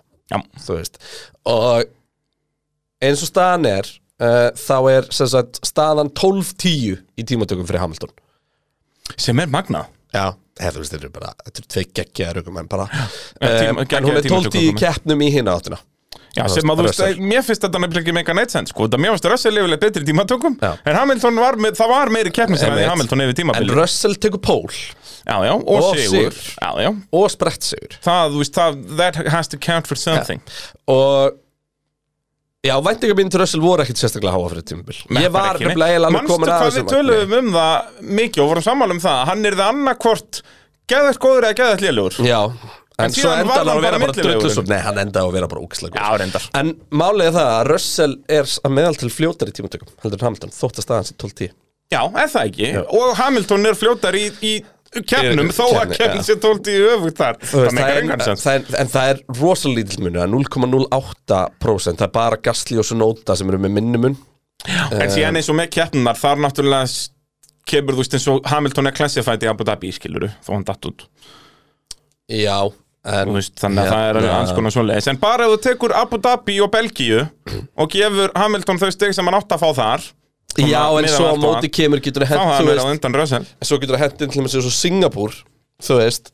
Ok, jú, Hamilton enda dætt út þar eða ekki?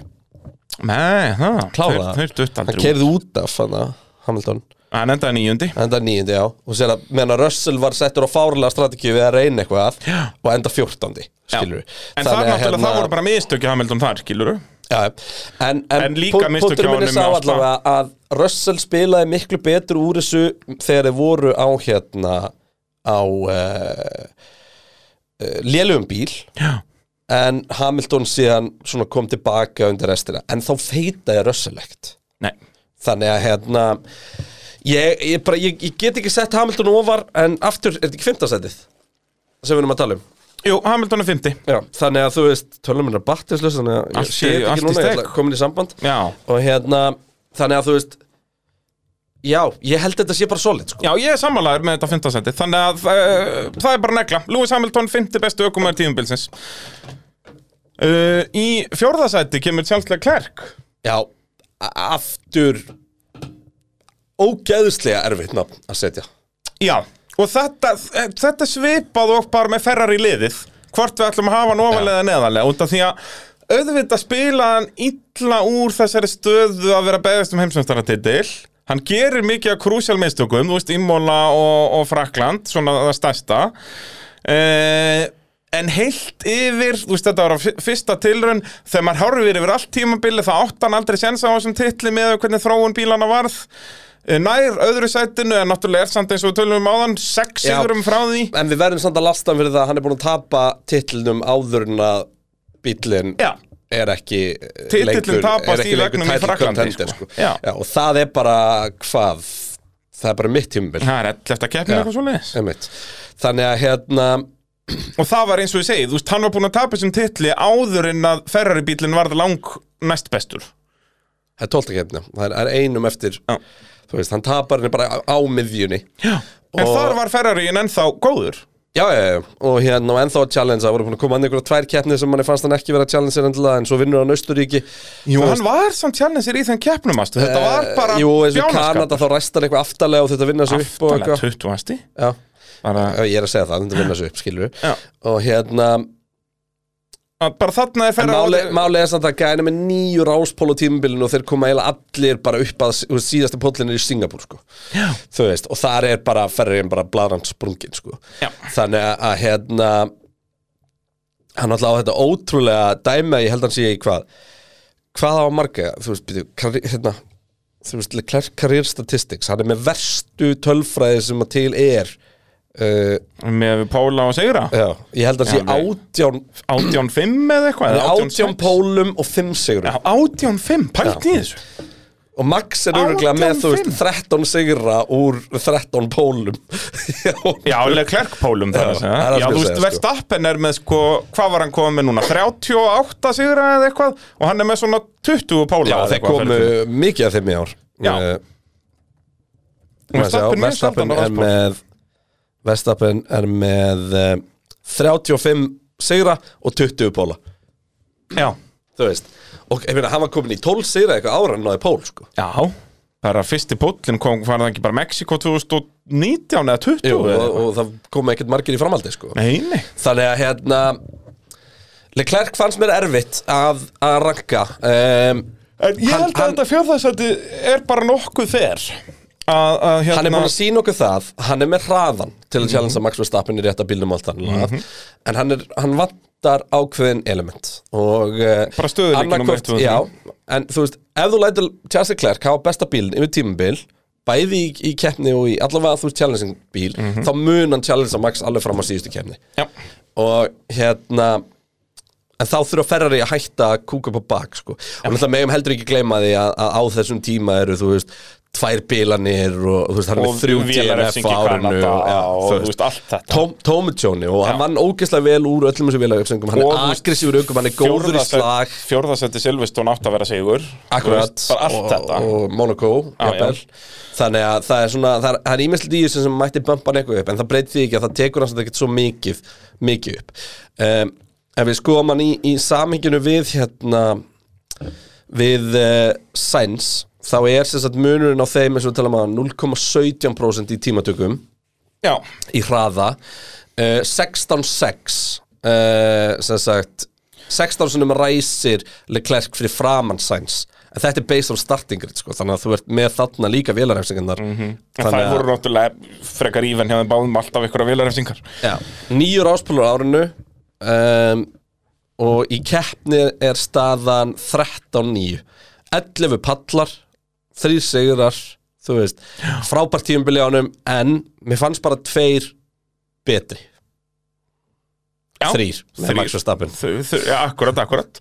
Og þú veist, já, í rauninni eina sem ég Ef ég ætti að færa alveg klerk eitthvað var ég bara pæli að færa niður. Ég myndi aldrei setja hann í topp þrjá.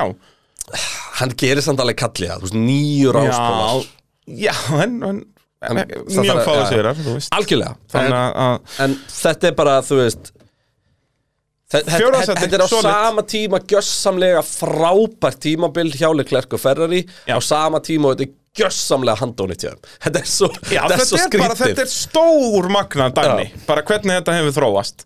Það er, uh, það er ekkert flóknar en það. Uh, Við erum að sjálfsögðu í þægilegu samstarfi við heimavöll okkar Arena í Kópavóginum Heldur betur. Núna er náttúrulega ekki formúlega í gangi þar þannig að við kveitum alla bara til að fara að spila tölvuleikjar Það er dýrindi skemmtun Jep. að fara þarna með vinnahopnum og, og það er að vera með alls konar upplifanir þarna hvort sem þið eru í, í PC-tölvum eða eru bara inn í ykkar herbergi eða hvernig sem þið vilja hafa þetta. Það Jep. er hægt að gera allan anskotan hann í að reyna Engar ágjörn því. Jip, e, Þá erum við komin í topp 3 Í Hvort þriða þið seti Og þarna erum við með alla nákvæmlega eins e, Landon Norris. Já Ég, Norris er ógeðslega erfur en Norris tók slægin einn á lélugum maklarinn á móti Alpín og uh, reynda vann ekki en var Nei, ekki ég- langt frá því. Já. Með að hann var einn á bíl. hann pakkar liðsfélaganum og liðsfélagin þótt að hann hafi verið að underperforma lítur bara illa út út af því að þetta er liðsfélagin hans. Já. Og Þú veist, um mitt tímabil, þá vorum við nú aðalega að tala um bara að Norris væri bara svona með, hann var verið ekkert búið að koma inn svona stór moment eða eitthvað, en bara ef þú horfir heilt yfir tímabil, hann var geggjar. Já, hann bara störtlaður Bara, og, og, jú, ok, það gæti verið að Ricardo hafi bara verið algjör saur og bara pjastri komið hann og verið bara pari við Norris, við komum til því á næsta ári, en, en eins og staðan er núna, að þá var hann þriði besti ökumæður tímabilsins. Já, ég meina, þú veist 17-5 í keppnum 19-3 í tímatökum 3-0 í sprettkeppnum um, Það var einu svona árinu sem maklarinn nátti sjens á velunapalli Hann tók hann Já. Það er náttúrulega magna statistik bara Norris er einu ökumæður en ekki í topp þrjú liðunum sem hann er velunapall á tímabilinu veist, það veist- er alveg gott, það er bara eins og með Russell að ná þessum sigri skiluru þó að sé þetta efast um hvort þeirra var betri Hamilton eða Russell en Russell næri þessum sigri og það er eins með Norris, hann næri þessum velunapalli þannig að ekkert sem ég get sett út af með þetta neglan í þriðansendi Nei og bara, og ég held að Norris fyrir mér verður bara að fara í toppbíl því ég held að þarna sé gæinn sem getur tekið slæðin við Max Verstappen sko. Já, en hann er ekki bílnum til að gera. Nei. og, og, þessi bíl verður ekki samning við þetta lið. Já, það, þessi bíl er ekki, verður ekki stöðu til að gera þetta næstu fimm árin sé ég. Nei, þú veist, Landon Norris væri hefur fullkonar replacement til Lewis Hamilton. Já, algjörlega fullkomið. Já. Þeir verða að gera það. Gera það röglega En það ekki, Jú. þessi samningar við margótt sér það Þeir þýði ekki neitt í Formule 1 Það er svolítið þannig. Það er en, svolítið en hérna Norris og Russell í Mercedes, það verður rosalegt kombo. Já, Það verður rosalegt kombo. Já. Tvo svona solid sko. Já. Alveg solid, grjót solid sko. Já. Í líka Hérna- Mercedes þýsku maskinunni að þetta bara Já. Getur ekki klikkað. Ég veit ekki hvað meira ég að segja um Nei, Norris þú ég veist, því ætla að bara- það, er, það er svo erfitt að tala um hann því að hann er bara á bíl sem að er ógeðslega kvörki og ógeðslega erfitt að ná hraða út og ógeðslega erfitt til að trista Já. er það ekki vandamölu Ricardo? Hann bara, hann bara bremsar og beigir og hann tristir ekki bílnum en Norris getur það. Og hann gjörsamlega pakka liðsulaganum hann er búin að eignast huge fanbase hann er búin að gera geggja hluti í að hann byggja sig upp og allt hann og er bara the real komin- fucking deal sko. Komin með go-kart brand og ég veit ekki hvað og hvað Þetta er bara, þetta er geggjaða gæi. Algjörlega, þannig að Eh, annarsætið. Annarsætið, þið eru kannski búin að leggja saman 2 og 2 og viti hver þetta er því að þetta er George Russell. Já, ég bara Þannig er ég aftur sammálaðir Það er mest í skellunum þegar við erum sammála Þá getum við ekkert farið að rífast. Nei, nei, það er kannski eðlilegt í þessu en, en hérna, Russell, bara þvílíkt tímabil. Það er blómálið. Hann vinnur uh, sjöfaldan heimsastara Tilturlega fyrir hans hver á sínu fyrsta tímabili með liðinu. Nær sigri sínu fyrsta Og, Og fyrsta pól. Pól, og sprettkeppni. Tveir ráspólar náttúrulega. Rosalett Já, Er það ekki bara, færði ekki pole position fyrir tímatökur? Ég man ekki hvernig þetta Jú, uh, það er þannig Ungverjaland Hann var fær, hann fær Ungverlands pólinn og svo fær hann sprint winner Já, út af þeim sprintvinnar, já, já, já, já, auðvitað, já, auðvitað, þetta var hann var sprettkermis. sprettkeppni í Brasilíu Þannig að hérna En nei, hann vinnur, ræsir hann ekki á pól í tímatökunum þar?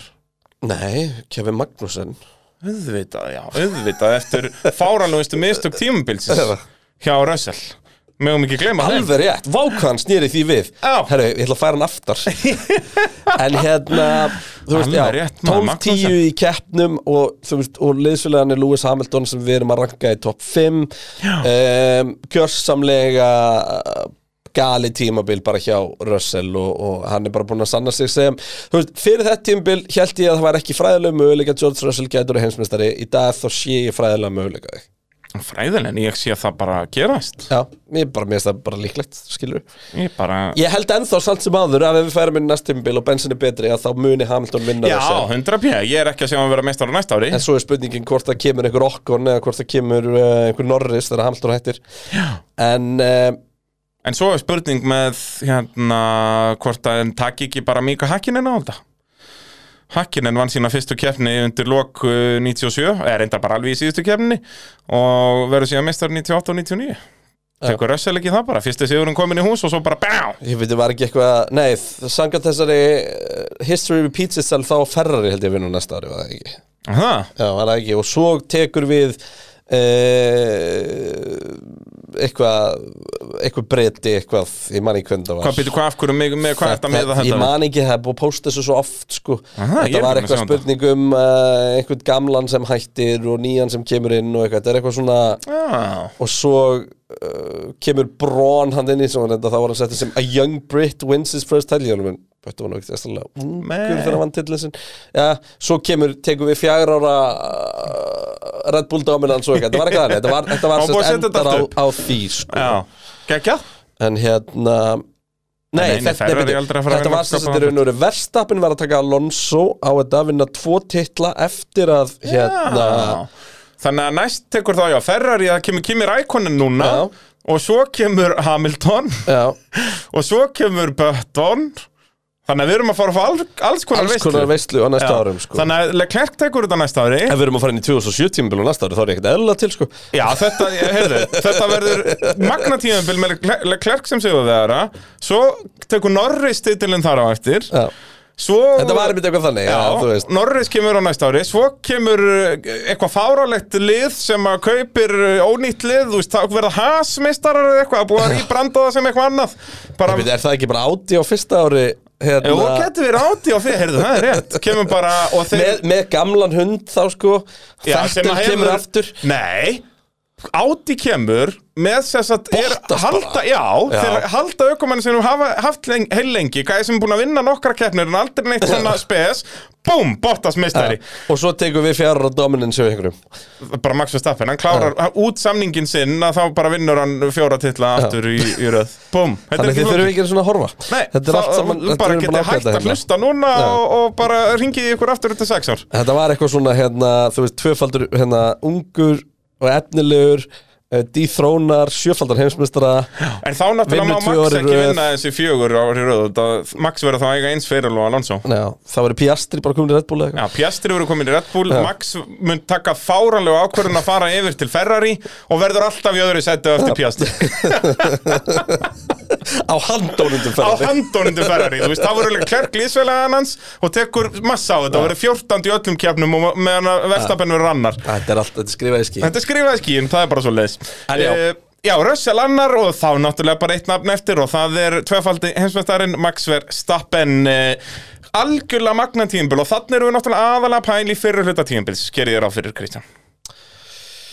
Þegar hann var að kreista allt sem hann mögulega gat út úr þessum Red Bull sem var þá næst besti bílinn og nýtti sér öll mistök Ferrari og Red Bull maskina náttúrulega bara ekki vinnur, feil púst hann vinnur fyrstu fjóra keppna sem hann klárar á bíl sem er lélæri Já, á næst besta bílnum. Já.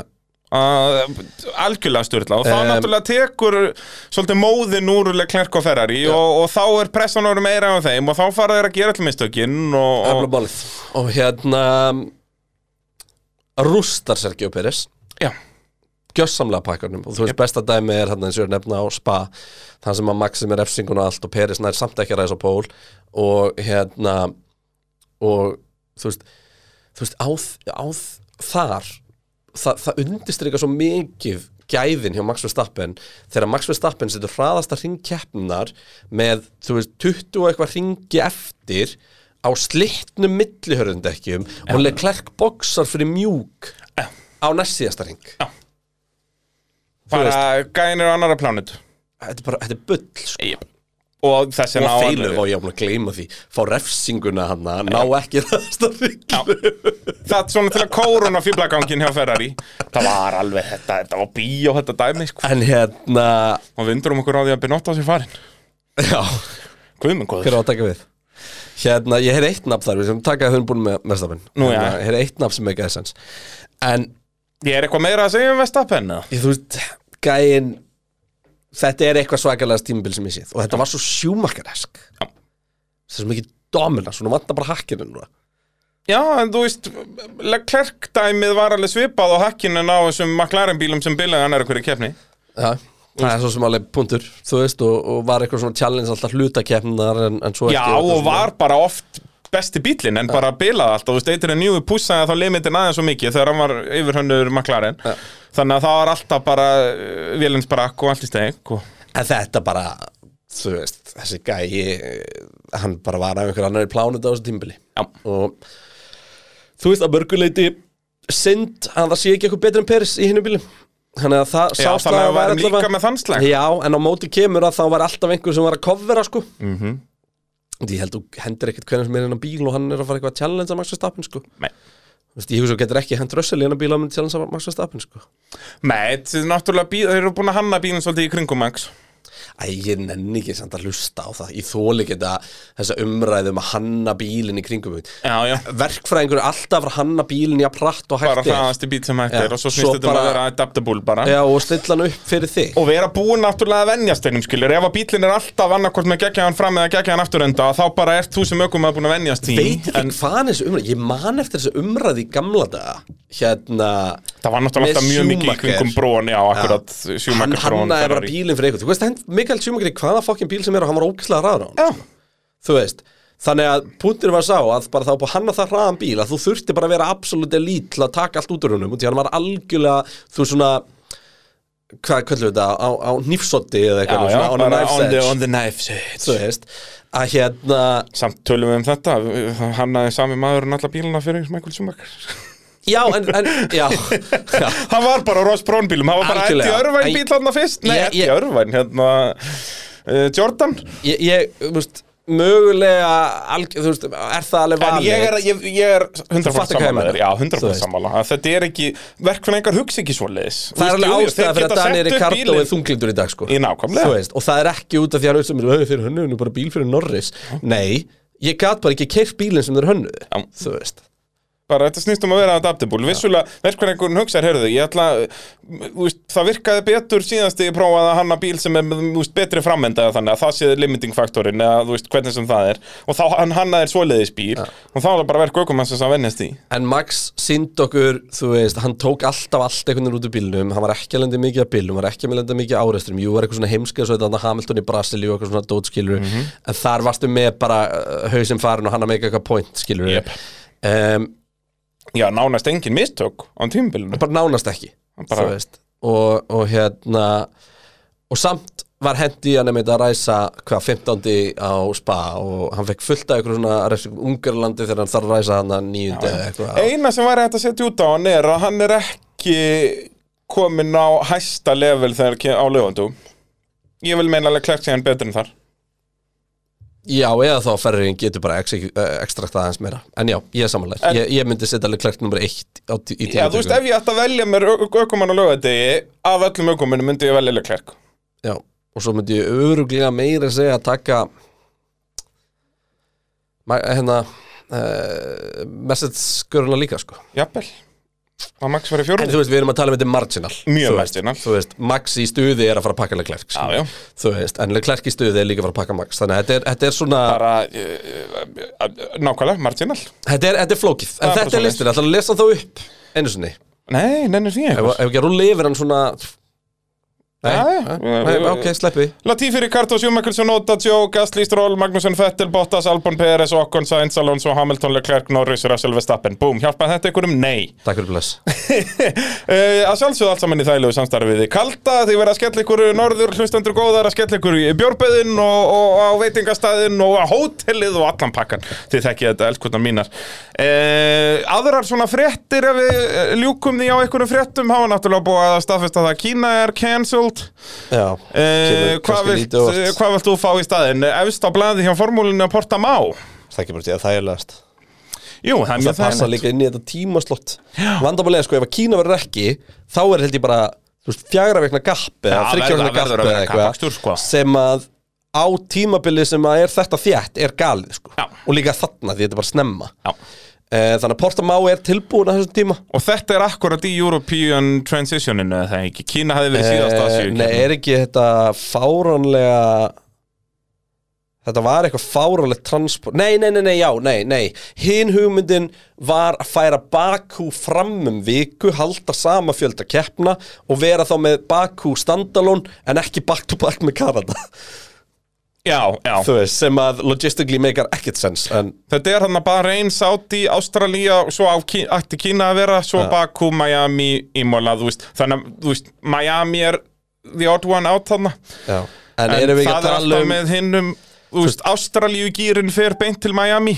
Já. Og hinn gýrin fer allir til Evrópu. Portimá Já, já, það eru fína keppniðar Af hverju ekki Tyrkland er hinn sem við verið að tala um Ég vil frekar Tyrkland, en ég veit samt alveg Porta má verið skemmtileg Tyrkland var samt orðin hundlegileg braut í Þú veist Við fengum Dominance vennilega sko. keppni í þessu Nei, síðustu núna, tvær. hún er búin að frábæra Já, núna í en endurkomu. dominansinu var hann, já, þá voru allir kennmilega en, en mér langar mest að fá Kuala Lumpur Mér finnst hún geggju kapastusbrödd Já, Malasía er hún eitthvað í samtalinu? Ég held ekki, ekki að neinu viti Er nema hún bara up to standard ennþá? Er það verið að keppa á henni? Já, já, Ok. okay. kæft á hann Í bara eitthvað svona Super GT og eitthvað Já, svona bara eitthvað, það er í. eru Petronas-merkingar um allt og allt ásamlegt, sko Já, en, en hérna, mér finnst það bara geggju brödd já, hún er cool Ég sakna hennar, ég samanlega og hérna breið og góð og stóri bremsubundar og samt hröðu skemmtilegu hægri beigurnar hann og bara já, ég, ég væri mest til í hana af öllum þessum, en annars myndi ég reyta Tyrkland herra en Portamá en ég væri samtalið til í Portamá Já, minnst Portamá betri en sem breytur á kaldunum, sko já, 100 veist, Þetta er ekki, þetta er ekki Ugh, Erum við alveg að fara þangað? Nei, alls ekki, eins og segi, Portamá er þið ekki vestabrautin, þú veist, ef að Portamá er í staðfest núna, við myndum fara reyta brautindar á næsta tíðumbili, væri hún ekki síðast Nei, hún var, langt í hún frá. var ekki top 10 en, en hún Nei, var nei, ekki síðust hún væri rocksólít eitthvað, 14. 15. einmitt. Þannig að þannig er staðan Já, heldur betur Takk fyrir þetta bara, þetta var gaman. Já, það ekki, ég hef alltaf gaman að þessu. Þá erum við búin að gera þetta upp. Við fyrir svo að senda út uh, fyrir ykkur að velja aukumann ásins og svona Nú næstunni. Já, Þannig að, Gilti eh, B-hundurinn, Gilti maður, B-hundurinn og- Við ætlum að taka Svo- hann upp í desember. Já, hann verður núna einhvern sem tíma er mjög fyndið að segja í ljósið þess að komin 7. desember. Það er ákveðin En já, skellur. Við þurfum að fara að henda honum. Við erum bleið í fyrra var þetta áramönd þátturinn. Við ákveðum hans Já. að gefa hann út á, á Út af hérna, þá náttúrulega var- gamlastags morgun Ég var að sjá núna bara í dag, já, í morgun sá ég á Facebook reminders af reaksjónin okkar eftir Saudi Arabíu sem var sko næstíðasta keppnin. Tímabilið var ekki búið núna í fyrra. Nei, var það ekki áttunda eða eitthvað sem það klára Var eitthvað svo leiðis Hérna Já, en- nei, þá tíunda, tólta eitthvað. Já, já, já, já, þetta var alveg bara Það var bara ein helgi og svo voru aðfokkandaður Já, það var bara að þú þurftir bara eftir bara Abu Dhabi tjámi þú þurftir þú að fara að gefa í skóin sko. Þetta var tómt bast. Já, þú veist, ég ætla að láta bönni setja skóðum til Já, já, uh, bara bing, bara bú Já, bíbar þetta. Hérna, Hvað er mikið að fimm ára bönnum að hlusta? já, Það er svoleiðis. Pottitt Nei, hátt ekki. Heldur það sé ekki ykkur fóreldrar með kveikt á þessu bílunum? Það gæti verið, gæti verið. En ég meina þú Hvað er upp á að sjólasveitniðin? Skýrgámur Þeir eru náttúrulega svolítið líkir. Já, en þú veist, þegar ég elskaði hann þá var ég fett og flottur, sko. Já, ég elsk, ég, þú skýri bara hotlasta shit sem þú getur getið Reyndar. En já, ég, ég, Ég er ekki hverju. Þú alveg rétt, við, tölum um þetta við, Gerum þetta upp, Power- við verðum að power ekki að Power jólasveitna Ranka gerðum við það ekki síðan. Við það, við töluðum allan Þetta er bara vera eitthvað svona top 3 Já. eitthvað. En síðan náttúrulega við höfum líka eftir að svona ekki bynd gera upp tímbil, við erum náttúrulega að gera um þetta hægt og rólega, en við höfum eftir að gera upp tímbili sko í samanburði við spádómin okkar fyrir tímbil. Já, já, já. Þannig að við ég- eigum ekki að taka það bara eftir, nei það verður gildi bjöfundur í næstu viku. Já, ég, er endara, ég ætla aðeins að Það ræða getur verið- Ég, það getur að verið spá- áramótaþáttur. Nei, ég er bara að spá eitthvað gildi bíndur eigi ekki bara að vera áramönda Það gæti verið, já, það verður að tradition. það er svo næs eitthvað svona Á ný, bara á gamla stigi, Þú myndir að vera bara að elda ga Auðvitað, jú, auðvitað, við hendum því svona leis. Ekkert eðla til, já. Herðu, takk í dag. Uh, Pitturinn.is á 5 fös. Fimm fös. Og, Og- tökum þá á þriðudag næstu viku. Þá skulum við taka hérna að fara yfir spátuminn Já. okkar. En það ekki, þá er ég búinn að finna klippur úr þeim já, to að humiliate us